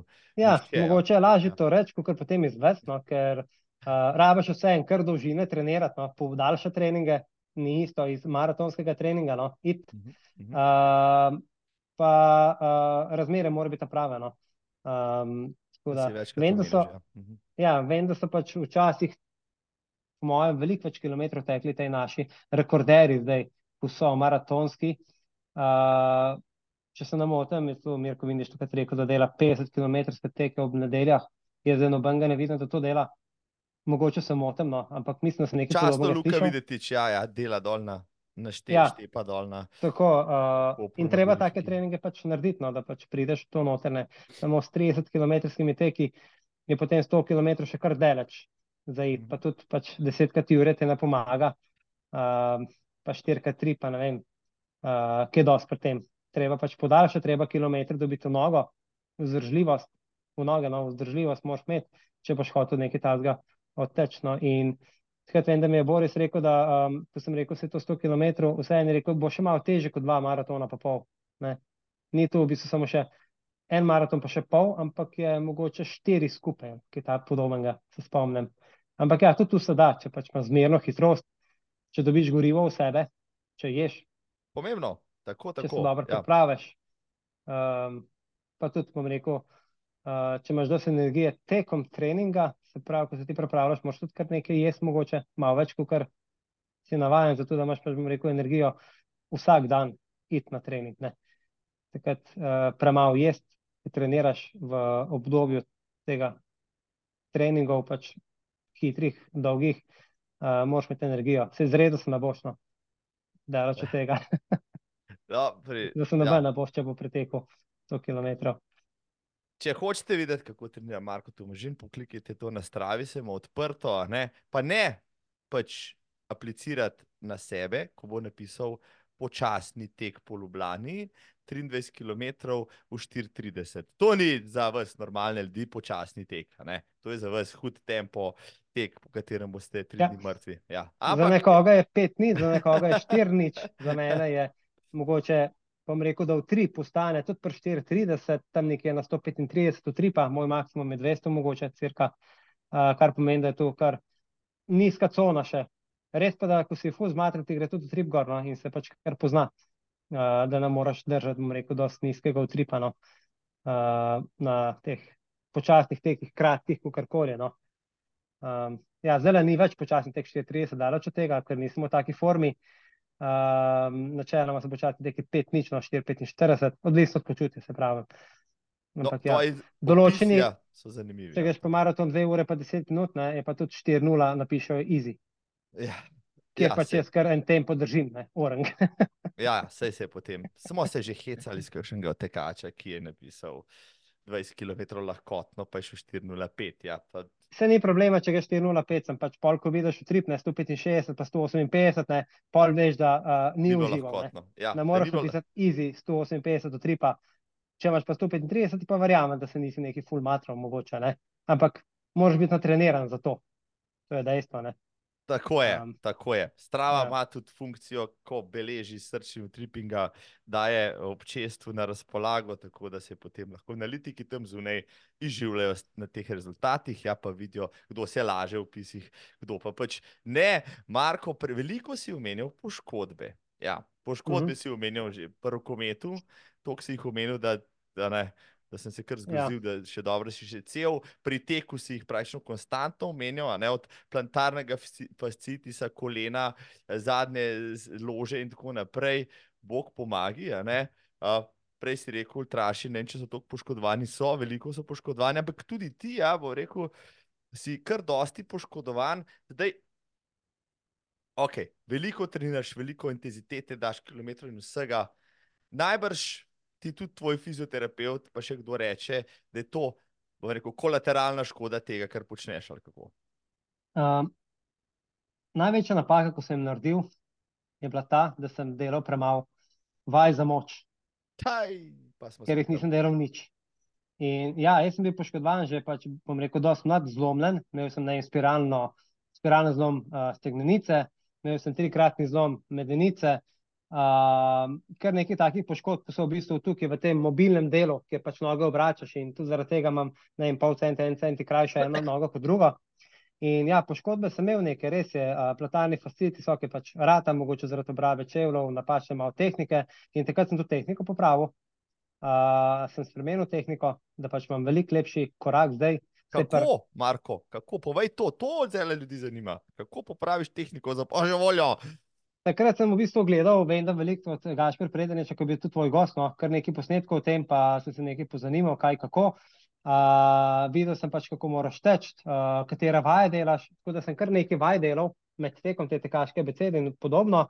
Uh, sam sem si dejansko naštimal telefon na pločnik in potem sem laufal gor dol z različnimi, z različnim tempom, da sem videl, kako lepo stopalo v počasnem posnetku preleti, uh, koliko se zmatrem pri tem, koliko energije za to vložim, da to spremenim. To sem mogel kar nekaj časa delati, da sem provo čim bolj pač na, na cel stopalo, oziroma na prednji del stopala prstatne, da nisem v bistvu na peto preveč preletel, ker potem ti preveč sile pride na kolena.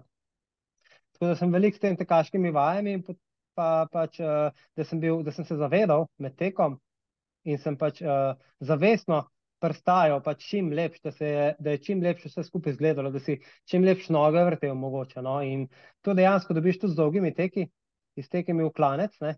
kjer dejansko itak pač ne moreš na peto preletati, pa s hitrimi teki, no, uh, greš tu dejansko bolj naprej in gledaš skozi korak čim lepše in si probaš predstavljati, da so tvoje noge, vsaj si jaz tako večkrat zamislim, veliko se kaj vizualiziram, aha, noge se morajo vrteti, tako pač Ko gledaš tiste kenice, ko laufajo, vsi isto obračajo, noge se samo vrtijo, oni imajo bok izkus na, bom rekel, neki isti ravni. In pač probaš čim bolj se približati temu. Ne.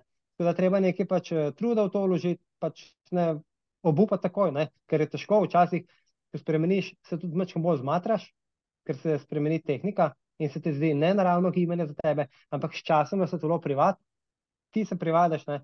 da pač drugače preleti noga in uh, zboljšaš korak, potem s tem prije tudi hitrejši korak, daljši korak, uh, lažji. Uh, tako naprej. Ne? In menj poškodb, mogoče. Ja. Je pa res, ko sem poškodbo omenil, sem omenil, jaz mo mo mogoče glih zaradi tega, ker v stadionu laufaš v desno, oziroma v levo stran, ne, v levo vink, dvakrat. Uh, Imam jaz zlomil sem takrat stegnenico na levi nogi in moja uh, leva noga je daljša. V to nisem več veliko podarka, da, ampak je daljša za cirka ne, slab centimeter. Uh mhm. -huh. In ko greš po levo korak, je v bistvu v levo vink, no, je v bistvu je pa še slabše, ker dejansko Tako. se mora desna noga še bolj stegniti. In vse poškodbe, katere sem jaz imel, zdaj od leta 2021 do 2020, takrat prvič, ko mi je kvadricep zategnilo, potem pa tudi vmes še kaj drugega, no? tistih 6-7 poškodb, je bilo vse na desni nogi, nikoli na levi, moram potrkati, da tako ostane, oziroma da poškodb ne bo več, ampak vedno me je desna noga zabolela, potem sem še fizioterapevt, on je tu zrihto, sem bil dober, pa sem treniral naprej. No. Ponavadi je bila kakšna mišica zategna in podobno, pa kakšno manjše vnetje ali pa karkoli. No resnega, no, da se ne bi dalo rešiti. Vse se da rešiti. No. Sam dosti hitro moraš reagirati, pa i takrat. Se pravi, zdaj na stadionu tečeš v, v desno. ne, še, še, zmeri, še zmeri v levo, ne vem zakaj, mogoče to navada. Uh, res pa, da na stadionu ne treniram zelo velik, pač ja, ko so pač intervali tisoč metrov še, potem pa te daljši intervali, se tudi, ko se z ekipo zmenimo, no, uh, promo po kakšni coni industrijski, kjer ni avtov, dela tiste dolge intervale um, po asfaltu, dejansko načeloma. Ja, uh, pa pač um, ni potem tukaj veliko vinkov. Ne. Je pa res, uh, zdaj sem začel, no, dva meseca nazaj smo pa rekel, da zdaj ima veliko poškodb. Uh, verjetno mi manjka ta mobility, oziroma stabilizacija, vse Kor, stvari, pač, ja, ker okay. v nič nisem uložil, jaz sem dejansko zmeraj dosti močan, vsaj tako v koru, že pač izhaja iz teh. Ali ma- malo preplezano dobiš, malo od rokometnih, bom A, rekel, so, mhm, let, ja, ko ja. sem treniral, sem pač dosti uh, močan tako za svojo velikost in vse, in dosti močan trup imam, ampak na to nisem dal veliko podarka, zdaj pa ja, dva meseca nazaj sem pa rekel, neč bo treba mogoče malo fitness, da malo ujačam te mišice na nogah, rokah, strupu, ne, uh, da se bo telo pač čim dlje časa bil v popolni uh, poziciji in ker ko pač priješ na neke to pa to kurteka, ne, se ti pač forma pokvar, korak rata je. slabši, Mhm. možnost za poškodbe je večja in to se ne zgodi samo na 5, 6, 6 ur, 10 ur, nima veze. To se ti zgodi tudi na 35 km, ko imaš ti dva dneva zapored. Ne. Ok, prvi dan si še spočit, drugi dan si mečkam bolj zmatren in se zna zgoditi, da tistih zadnjih 10 km nimaš idealne, uh, idealnega koraka, ko si malo zmatren, še zmeraj trening narediš do konca, ampak ga ne narediš tako, kot bi ga hotel, oziroma v taki tehniki, katero bi hotel, in pač dejansko mečkam več uh, udarcev pride na kolena, na kolke, kamorkoli, in potem se kakšna mikropoškodba, poškodba naredi, ampak ja, vse se da sanirati, če dosti hiter reagiraš. No. Tako da vaje za moč so zelo pomembne. Uh, tudi je Marko verjetno že marsikdo povedal, ampak še vedno jih ne prakticiramo dovolj. In s tem vajam, pa potem mogoče valčkanje tudi, ne? ko je tudi nekaj tazga, kar pa se pravimo izogibati, se lahko v bistvu izognemo marsikateri poškodbi. Tako da ja, zdaj sem nekaj podarka dal tudi na to, ker Kdorkoli- preveč kilometrov naredim, Mhm. da bi uh, brez kakršnekoli vaje, oziroma tudi nisem nadaren, kot kaže, ne, ne za ultratek, ampak da bom zelo dolg tekel, če na nobene vaje za mož delal, ne, ker ja, ne bi imel rad poškodb, rad bi pa dolg tekel, tudi v svoje pač čindleno, kakor bo šlo. Tako da tu lahko pač vzdržiš sem na to, da pač delaš veliko vaj za moč in delajo vsi boljši ultramaratonci, bom rekel. Um, Ja. A, Aleksandr Sorokin se tako rad slika v sobotah s tistimi fitnessu. Tako, Ja. tako, tako. Oziroma njegovi uh, social media menedžerji to, te fotke v tem togu zašajo, da se vse žile vidijo. Ja, kdo je poslušal, spoštovani in spoštovane, do ure pa pol tega podcasta, ja, je lahko ugotovil, da smo spet pri temi, ja, ki mi daje se na rano, to je uh, pač vaje za moč. Ja, Andrej, na tem mestu bom začel delati tudi jaz, kakšno vajo za moč. Ja, zdaj mi to že rekel deset gost zapored, očitno ne znam izbirati gostov, ali pa jih podzavestno izbiram samo take, za katere menim, da mi bodo uh, pač poterali tudi v to vrsto, uh, vrsto vadbe. Ta trenutek, Marko, imaš kakšno poškodbo, si Če- v redu? Uh, trenutno ena poškodba, pa se mi tukaj ima zategnjeno zadnjo stegensko uh, mišico, no, ampak to se mi vleče že eno leto. In jaz lahko treniram, jaz sem pač tekel od laufa, mogoče je bilo mečkim bolečine, sem pa ja, ampak veliko, veliko bolečina pa manj, ko sedim, sedim v avtu, ampak bomo tu zdaj v naslednjih uh, tednih zrihtali, ker pač m, sem bil pri ortopedu na magnetni resonanci in na srečo je vse pokazalo, da je vse v perfektnem stanju, hvala Bogu, in verjetno gre samo za neko zategnjenost mišice, katero treba sprostiti. In sem vprašal ortopeda, če to lahko tukaj časa traja, koliko traja, ne? in rekel, da pač lahko, ja, nažalost. In to bo treba zdaj sprostiti. Ampak ja, treniram lahko, tudi on mi ni odsvetoval, na srečo, treningov, se jih lahko Kot udeležujem. ponavadi ortopedi radi delajo. Ja. Ja, mi, jaz sem mislil, da bom dobil zdaj prepoved za tri mesece, pa karkoli, ne? ampak uh, imam na izvidu napisano, uh, da pač športne aktivnosti ni treba prekiniti. Tako da uh, lahko pa zaradi tega tečem, je pa res, da moram zdaj nekaj zaporednih fizioterapij imeti, da pa se to vse skupaj sprosti in da potem lahko normalno, oziroma treniram že normalno lahko, ampak uh, da me tudi, pač, ko sedim ali pa karkoli, uh, ne boli. Ne. Že zdaj veliko vaj sam delam, pa veliko sam razbijam, tako da že zdaj bomo rekel 14 dneh je malenkost boljš, uh, verjamem pa, da bomo to sanirali v, v, v naslednjih tednih. No.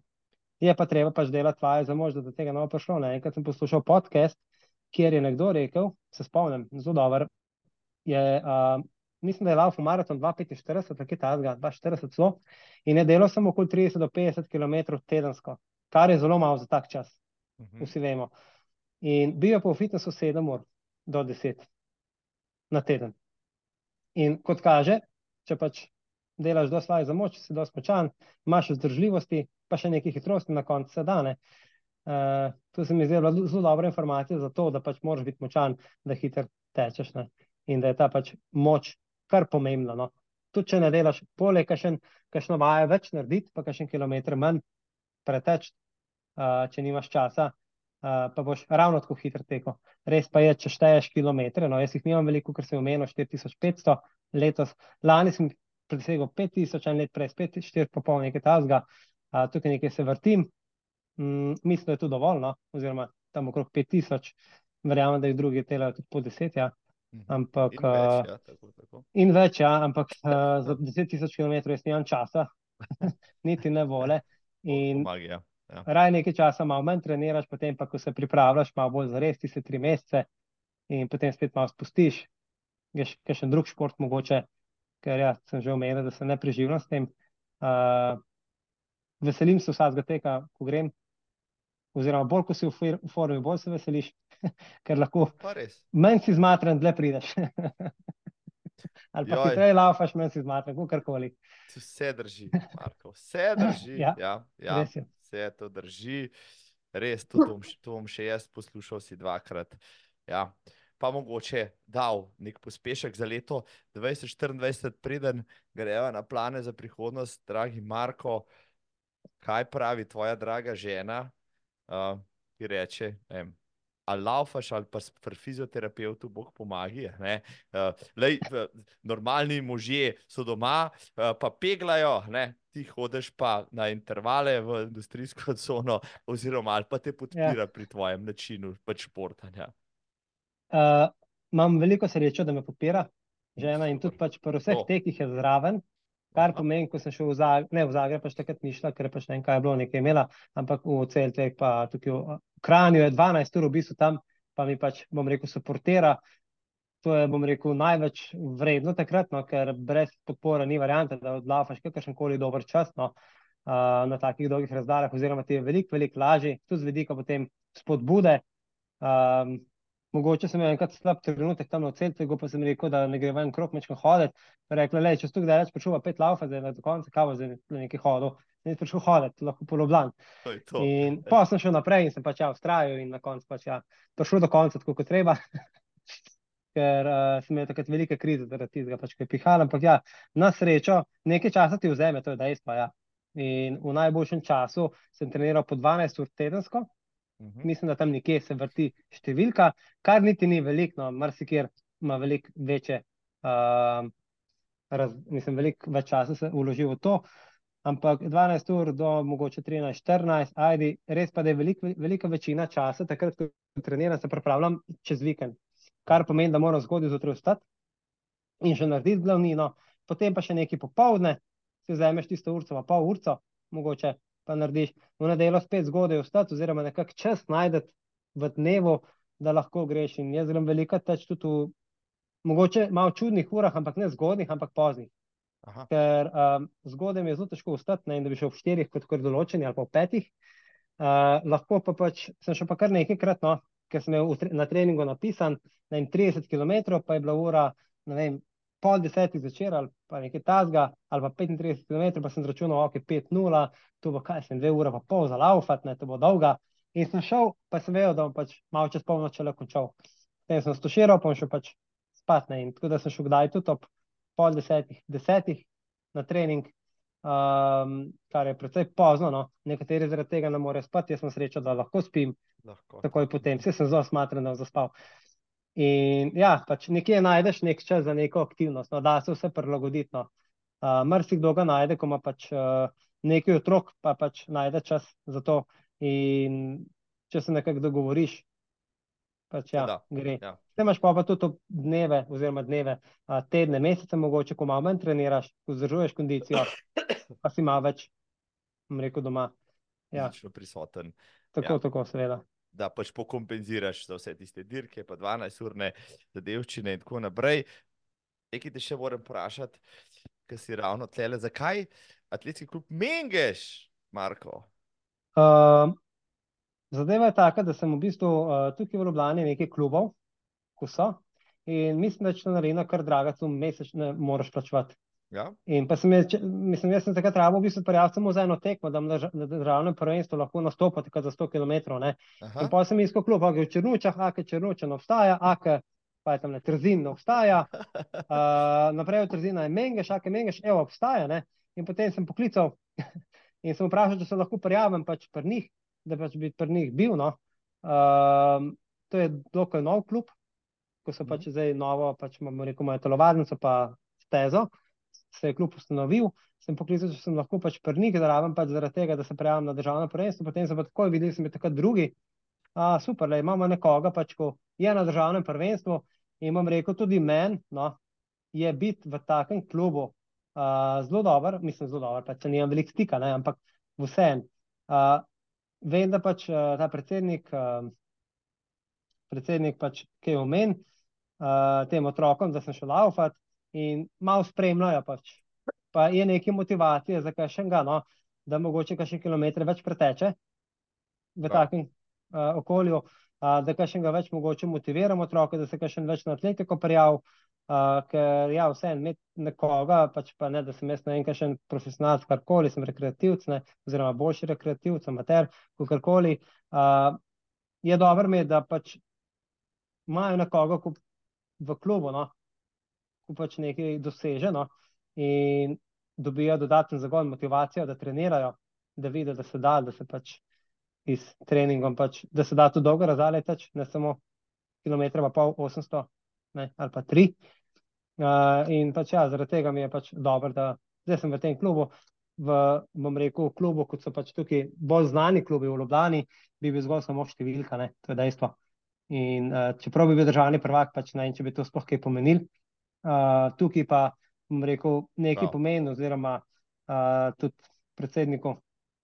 In potem, ko to povejo otrokom, so bolj motivirani, da tisti trening, takrat, ko znajo informacije, mogoče, da pa imajo državnega podprvaka ali pa prvaka, uh, ga mečkam bolj oddelajo, pa, pa malo bolj resno hodijo na treninge. Mislim, zaradi Marka Tomažina je Slovenija izvedela, da AK Mengeš obstaja. Ja? In zdaj, evo, zlati sin atletskega kluba Mengeš, Marko Tomažin, ja, uh, pač navdušuje tudi otroke, tako naprej. Všeč mi je ta tvoja poteza, vidiš, a ne, tekači tam zunaj, če ste dobri, poiščite še vi kakšen tak klub, pa, a ne, pa ga poneste v svet. Ja. tako, ja. Povedal mi je eno zgodbo, no, že, ko so bili na nekem pripravah, zdaj ne vem, tam nekje na Dolenskem, in jaz sem imel ravno 100 km tukaj v um, Ajdoščini. In ko mi je povedal to zgodbo, no, mi je v bistvu bilo še bolj do tega, ne, uh, da pač koga spodbudim. Je, so ga sprašvali, v bistvu otroci, ne, uh, kako mi gre, ko pač vse to traja nekaj časa. ne, Aha, zdaj je pač prvi, zdaj, oziroma na začetku sem bil drugi, tre, tretji, no, kakorkoli je, zdaj je prvi, zdržuje, zdržuje. In pol v bistvu mi je povedal, ko so se pelali iz uh, avtobusom ali kombijem, kakorkoli, uh, nazaj proti Ljubljani, sem imel jaz dih bolj kot ne proti cilju.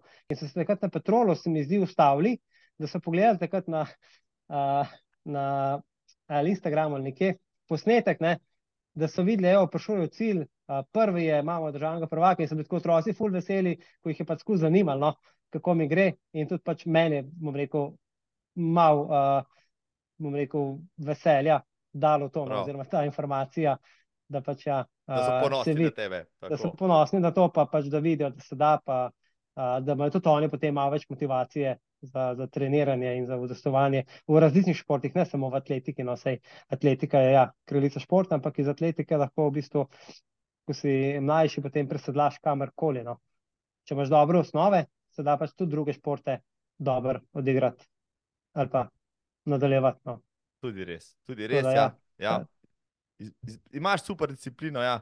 najdaljša atletska disciplina 100 km, ki jo lahko spremljaš 7 ur in več, ja. ne pa Ja. ja. 100 metrov, ki je 10 sekund, pa greš samo na WC, pa že mim, tle pa greš lahko na Dolensko, na miting, na priprave, pa na južno, pa še kar spremljaš bodočega Ja. državnega prvaka. Evo, cel dan imaš zapolnjen z državnim prvenstvom, tudi če to spremljaš, super je, že spadreš lahko vmes karkoli. Marko, evo, lej, uh, na koncu bo res potrošila uh, skoraj dve uri za tole super pogovor. Ja. Elokventen govorec, ja. Tudi Hvala. tako, tak, ja, znaš govoriti, tako kot znaš teči. Všeč mi je Mm. se pogovarjati s tabo za konec, ja, da ne bo res predolga, ker tisti, ki zdaj le tečejo, ja, in to zdaj le pred Božičem, ne pa si reče, uro 45 je čak malo. Rekel rekel je uro pa pol, zdaj uro 45 bi rad nehal, ampak nočem, nočem že zaključiti, ker hočem vedeti, kako se skonča ta zgodba. Ja, državni prvak je postal, kaj pa pol, kaj pa pol. Zdaj je čas pač novoletnih sklepov, jaz imam enega, ja. recimo, da bom začel delati vaje za moč, še 14 dni jih ni treba, ok, pa, pa začnem. Kaj ima pa Marko Tomažin, evo, koledarsko za 2024, dirke ne broj, zdaj si, pa rekel, ne, visoko na pedestalu tam, zdaj si pa favorit, kamorkoli boš prišel na te dolge zadeve, zdaj te bodo pa gledali in pričakovali od tebe mogoče tudi malo več, tudi konkurenca te bo drugače, je mala. Kaj pa imaš ti, če lahko že razkriješ, ja, malo v planu za naslednjo sezono? Za naslednjo sezono še nisem, uh, bom rekel, splaniral tekem. Je pa uh, skoraj sigurno, no, da bom v prvem delu sezone, je šlo šest tekmo, proval čim, uh, čim bolj teč, čim daljšo razdaljo. Ker je šlo šest urno, mogoče dve, če bo pač dož časa vmes, pa da so tekme pač nekje blizu. No. Je šlo 21, ko hitro, mogoče tudi, tudi zdaj mi je ratalo v Zagrebu na dolg nazaj. No brez tega, da se nekaj ful, ja, ful pripravljal. Ne. Um, zelo malo priprav, pa zelo hiter tek, sem bil presenečen, da mi je ratelno. Uh, drugače pa, ja, kaj še maraton tudi mogoče, drug let spet, uh, pa verjetno v drugem delu sezone, ali bo to 12 ur, ali pa 100 km. No. Tako da 6 ur, 12 ur, 100 km maraton, to so pač tekme, uh, ki jim pač odlaufal, uh, jih planiramo odlaufati, 24 ur še ostane uh, nekje uh, zadaj, ampak uh, mislim, da znam uh, tudi enkrat v prihodnosti, kakšno daljšo razdaljo, kot 12 ur, oziroma pol, uh, mogoče tam 150 km, pa več prelaufati v enem kosu. Ampak ja, se bo treba pripravljati, pa nekaj let raven za sabo. Tako da uh, veliko tega si ne morem splanirati, nažalost, ker pač veliko energije potrošimo vsaki. Tako da dve tekme resne pač v prvem delu, dve tekme v drugem delu. Čez poletje je veliko treninga, pravce na vročino, uh. -huh. katera me dela kar težave, uh, da mi pač uh, dvigne utrip pred tekmo ne? in potem hitro priješ na svoj maksimum, pa zabiješ v zid, ampak če si ustrajen, pa ustrajaš. Uh, tako da, ja, to so pač neki cilji za drugo leto. No. Mogoče se še kaj spremeni, mogoče kakšna druga, uh, kakšna taka zanimiva tekma tukaj uh, v Sloveniji, ali v Avstriji, ali v Italiji, ki jo bom skombiniral s kakšnim dopustom, uh, da vidim v bistvu še kakšno drugo, uh, drugo okolje. No? Super si to povedal. Evo, že nekje te bom siguren srečal, ne? Če ne te kaško, ja. ja, pa po službeni dolžnosti, tako ali drugače. Ja? Tako da se že veselim prihodne sezone. Ampak rekordov, pa zmag, tudi Marka Tomažina, ki bo enkrat, pol, ko bo pač imel to potok na zdravljenju naslov v vitrini, šel morda tudi kakšen špartatlon oddelati, pa kaj tazga. Najbrž ja, če si bral v ultraših že pred leti, potem nekje v zadnji je v možganih, ja, da bi to šel narediti. Ja. Obstaja veliko tekem, pač takih dobrih, od balatona, no, ki je najbližje, potem špartatlon, zdaj je vprašanje, ali bo šel ali ne. Ampak za začetek pač gremo korak po koraku, gremo pač um, nočem takoj prešaltati na neke prevelike, predolge razdalje, ampak hočem pač najprej tukaj, potem pa tako kot tekači, ko laufe 1800 oziroma 1500, potem 3, potem 10, 21, 42 in so zelo dobri, zelo hitri. Ravno tukaj je potrebno, uh, mislim, tudi tukaj je potreben približno isti princip, po mojem mnenju. Lahko da se motam, ampak uh, rabiš nekaj hitrosti vsem prenesti potem na daljše razdalje, ker moj cilj ne bo samo preteč mogoče, ne. Uh, ja, prvič ja, ne, sploh pa še take težke, najteže tekme, ampak uh, tudi v nekem doglednem času katerega težko oceniš na tekmi, ko še nisi bil. Da, to je res, to je res, Marko. Ampak zdaj, ko se te poslušajo, zadnjo uro, pa tri četrte, ne, mi še to po glavi. Um, zdaj deluješ zelo, uh, rekel, kompost, ne, zbran, uh, analitičen si, um, stoičen tudi, ne. Um, znaš analizirati svoje, rekel, napake, težave in tako naprej.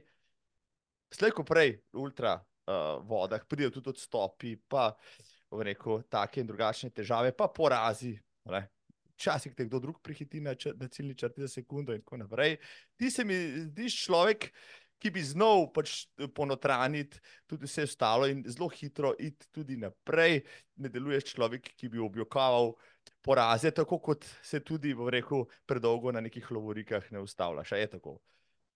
Ja, res je. Pač, uh, vedno pride nekdo hitrejši, hvala Bogu. Uh, in uh, rad vidim, da pač jih čim več teče, da je konkurenca, pa da so dobre razdalje od lav. Pač jaz načeloma se pravim, uh, mnogo hitreje tečejo nekateri. Ne?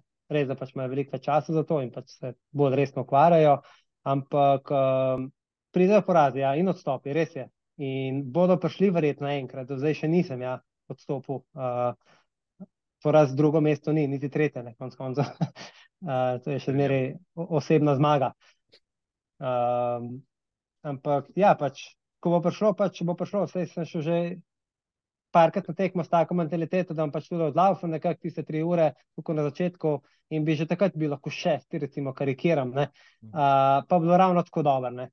In logično se ti kdaj zalom in pač nič narobe s tem, ne? ker pač uh, sem razmeroma še mladno za ultra razdaljene. Uh, najboljši ultramaratonci so krepko starejši kot jaz mhm. in uh, je še veliko let pred mano. Ne? In ja, se bo, bo še veliko pr, velik priložnosti, če bom ostal zdrav, če bom pač konsistentno treniral, uh, deloval za moč, da bom ostal zdrav. In Ja, priložnosti pridejo, pač seveda, in tekem je več kot dovolj. Udeležiti se jih moraš, čas si moraš vzeti in za trening, in za tekmo. Um, če te kdo prehiti, nič hudega. Važno, da greš ti pač iz ciljem svojim na tekmo, tako kot sem šel jaz, recimo na uh, v Berlin, cilj je bil 7:30, sploh nisem gledal, kjer sem, pa karkoli. Šel sem 7:28 in sem bil takrat za sebe najboljši, kakorkoli pogledam. In cilj je bil dosežen, nima veze zdaj, koliko so drugi hitri bili pomembno pač, koliko sem bil jaz takrat, ker sem bil tu pripravljen, tu časa treniram in tak rezultat sem postavil. Ja. In ti spodleti, ne, seveda ti. Tudi iz prvega dela sezone nisem zadovoljen, odstopil seveda nisem, ne. Uh, sem kar lepe rezultate dosegel, vsem, kljub temu, da pač mi ni šlo najboljš, ampak sem strajal. Pač. In ja, lahko bi bil peti, lahko bi bil sedmi, bil, pač nisem bil, ne. Enkrat sem bil prvi, drugič drugi, ne, drugič tretji, ne, drugi, ja, mi zdi. Uh, je vseeno nek rezultat bil, ampak ja, nisem bil pa najbolj zadovoljen za pretečeno razdaljo. Um, ampak ja, gremo naprej. Pač, tisto je preteklost, izkušnja sem rekel, da sem odnesel z tega. Te izkušnje tudi težko dobiš, če na laufa šest ur. Uh, moraš enkrat prelaufa šest ur, da imaš izkušnje s šestimi urami. Je, to definitivno drži. Ja. In moraš biti enkrat na 70 km, da imaš izkušnje s 70 km, in zato jih moraš preteči 69, uh, kar ni lahko mogoče. Tako da, ja, ja pač, uh, bodo prišli kakšni, seveda, porazi in odstopi, mogoče, ampak sem trudil, da tega čim manj, da pač čim bolj pripravljen, takrat, ko greš, da si pač fokusiran in mentalno dobro, pripra dobro pripravljen. Ne? In če si mentalno dobro pripravljen, za kar jaz sebe imam, da sem na teh dolgih razdaljah, pravi, da pač ne grem, ne bom odstopil in da bom proval zdržati do konca. Uh, da vem, pač, koliko sem sposoben, ne? da se ne precenjuješ, potem boš imel zelo malo odstopov. Če pa preveč hitro greš od štarta, preveč se zaženeš, preveč pričakuješ od sebe, no? kot tudi jaz, mogoče na kakšni tekmi sem in sem še zmeraj zvlekel, hvala Bogu, kar dobre rezultate. Uh, se ti pa pač ne poklopi vse 100%, ampak ja, neč hudega. Pridejo tekme druge, leta so, bom rekel, najboljše še pred mano. No? Sem šele kot sem omenil, dobre dve leti nazaj je bila moja prva tekma, šest ur v Zagrebu, avgusta 2021, zdaj pa december 2023. Tako da, če znam ustrajati, če ne vem, pet, šest, osem let, lahko še ogromno pretečem. Samo pač zdrav moraš ostati, pa biti motiviran in konsistentno trenirati, takrat, ko pač je treba. Ja, tudi Sorokin je bil še nekaj let nazaj na svetovnem prvenstvu, osmi ali deveti, ne ja. kjer. Ja pa se zdaj noben spomni tistega časa, niti rezultata, zdaj vsi vejo, kaj je zdaj naredil. Tako da sem vesel, dragi Marko, da sem te ujel na začetku tvoje ultrakarijere, ker bom nekoč lahko razlagal, da ja, ta svetovni prvak, ja, Tomažin je bil pa enkrat v mojem podkastu, ja, takrat je razlagal v zadnji vloži, pa v plenku, ki sem ga šel takoj delati po podkastu, ki so ga posnela. Ampak ja, vedel sem, da z tega uh, fanta še nekaj bo. Spoštovana. Mogoče, Izvoli. Ja, sem ja. mogoče jaz bolj motiviran, mislim, bolj vesel, da sem pač v takem podkastu, kot je tvoj, kateri je motiviral tudi mene. In uh, vsekakor upam, da sem jaz motiviral koga, da naredi še en kilometr več, uh, ali pa da naredi aktivnost, no, karkoli, se lahko gre kolesarc, lahko gre pač hoditi v fitness na hrib nekam, da se malo zadiha. Um, če pa teč pa še toliko boljš, ja. Uh, tako da, ja, vsekakor sem jaz mogoče bolj vesel, kot boš ti, če bo meni karkoli ostalo, da sem vsaj enega, pa verjetno upam, da sem jih večno uh, do zdaj navdušil, ali nad tekom, ali nad tem, da se pač razgibavajo, da vejo, da pač je šport v bistvu nekaj, kar človek, uh, v čem človek lahko uživa. No? Da ni to trpljenje, ampak sem prav šport, mora zbrati iz prave intenzitete, katera te paše, uh, pa potem gre. Marko, izvrsta, zaključna misel, lej, jaz grem staviti, da se bo zdaj število tekačev, ki bodo tekli v pol desetih, v sobotek zvečer, drastično povečalo. Ja? da si dal, dal si nekaj izvrstnih, izvrstnih um, rekel, uh, informacij, znanj, izkušenj in tako naprej za marsikoga. Uh, mene si prav gotov navdušil in navdihnil, verjamem, da še od uh, stotin poslušalcev tam zunaj. Tudi več drugih, ki bodo nekoč šli po tvojih stopinjah. Lejte, spoštovana publika, če ste brali Karnazesa, pa, pa veliko tekaško knjigo, si zdaj še enkrat poslušajte, Marka Tumažina, ja, pa zdaj pa boste vse vedeli, kole. Ja, pa še, kole, ker smo ravno pred Božičem, Marko, a si že dobu, a si si zaželil kaj za Božička, boš dobu kaj? A, ne, nisem zaželil, tako da upam, da bo kaj dobil. Evo, zdaj, tole Božiček zdaj le slišal in ti bo sigurno kaj ja. prinesel. Uh, Jaz se ti bom na tem mestu zahvalil za izvrstni dve urici, ki so jih preživela, preživela skupaj v tem klepetu. Izvrstno je bilo, Marko, hvala ti. Marko, hvala ti za povabilo. Obljubil sem, da bom prišel in sem prišel. Ja. In upam, da uh, čim več uh, ljudi, ki odnese od najmenjega podcasta, verjamem, da ja, in da še naprej pač poslušajo tvoj podcast, da jih motivira in da ustrajajo, oziroma uh, se športno udejstvujejo. Tako da uživajte. Hvala vam za povabilo in za poslušanje. Draga publika, v 179. epizodi jaz sem gostil Marka Tomažina. Ja, to epizodo dobite za Božička, ja, vam pa oba dva seveda želiva izvrstno sezono 2024, brez poškodb, jasno, ne, z močnim korom, ja, pa z tudi kakšno mogoče zmago. Marko, pozdrav v Ljubljansko kotlino, se vidimo naslednje leto. Pozdrav na Gorensko in se vidimo naslednje leto. Čau. Čau, čau.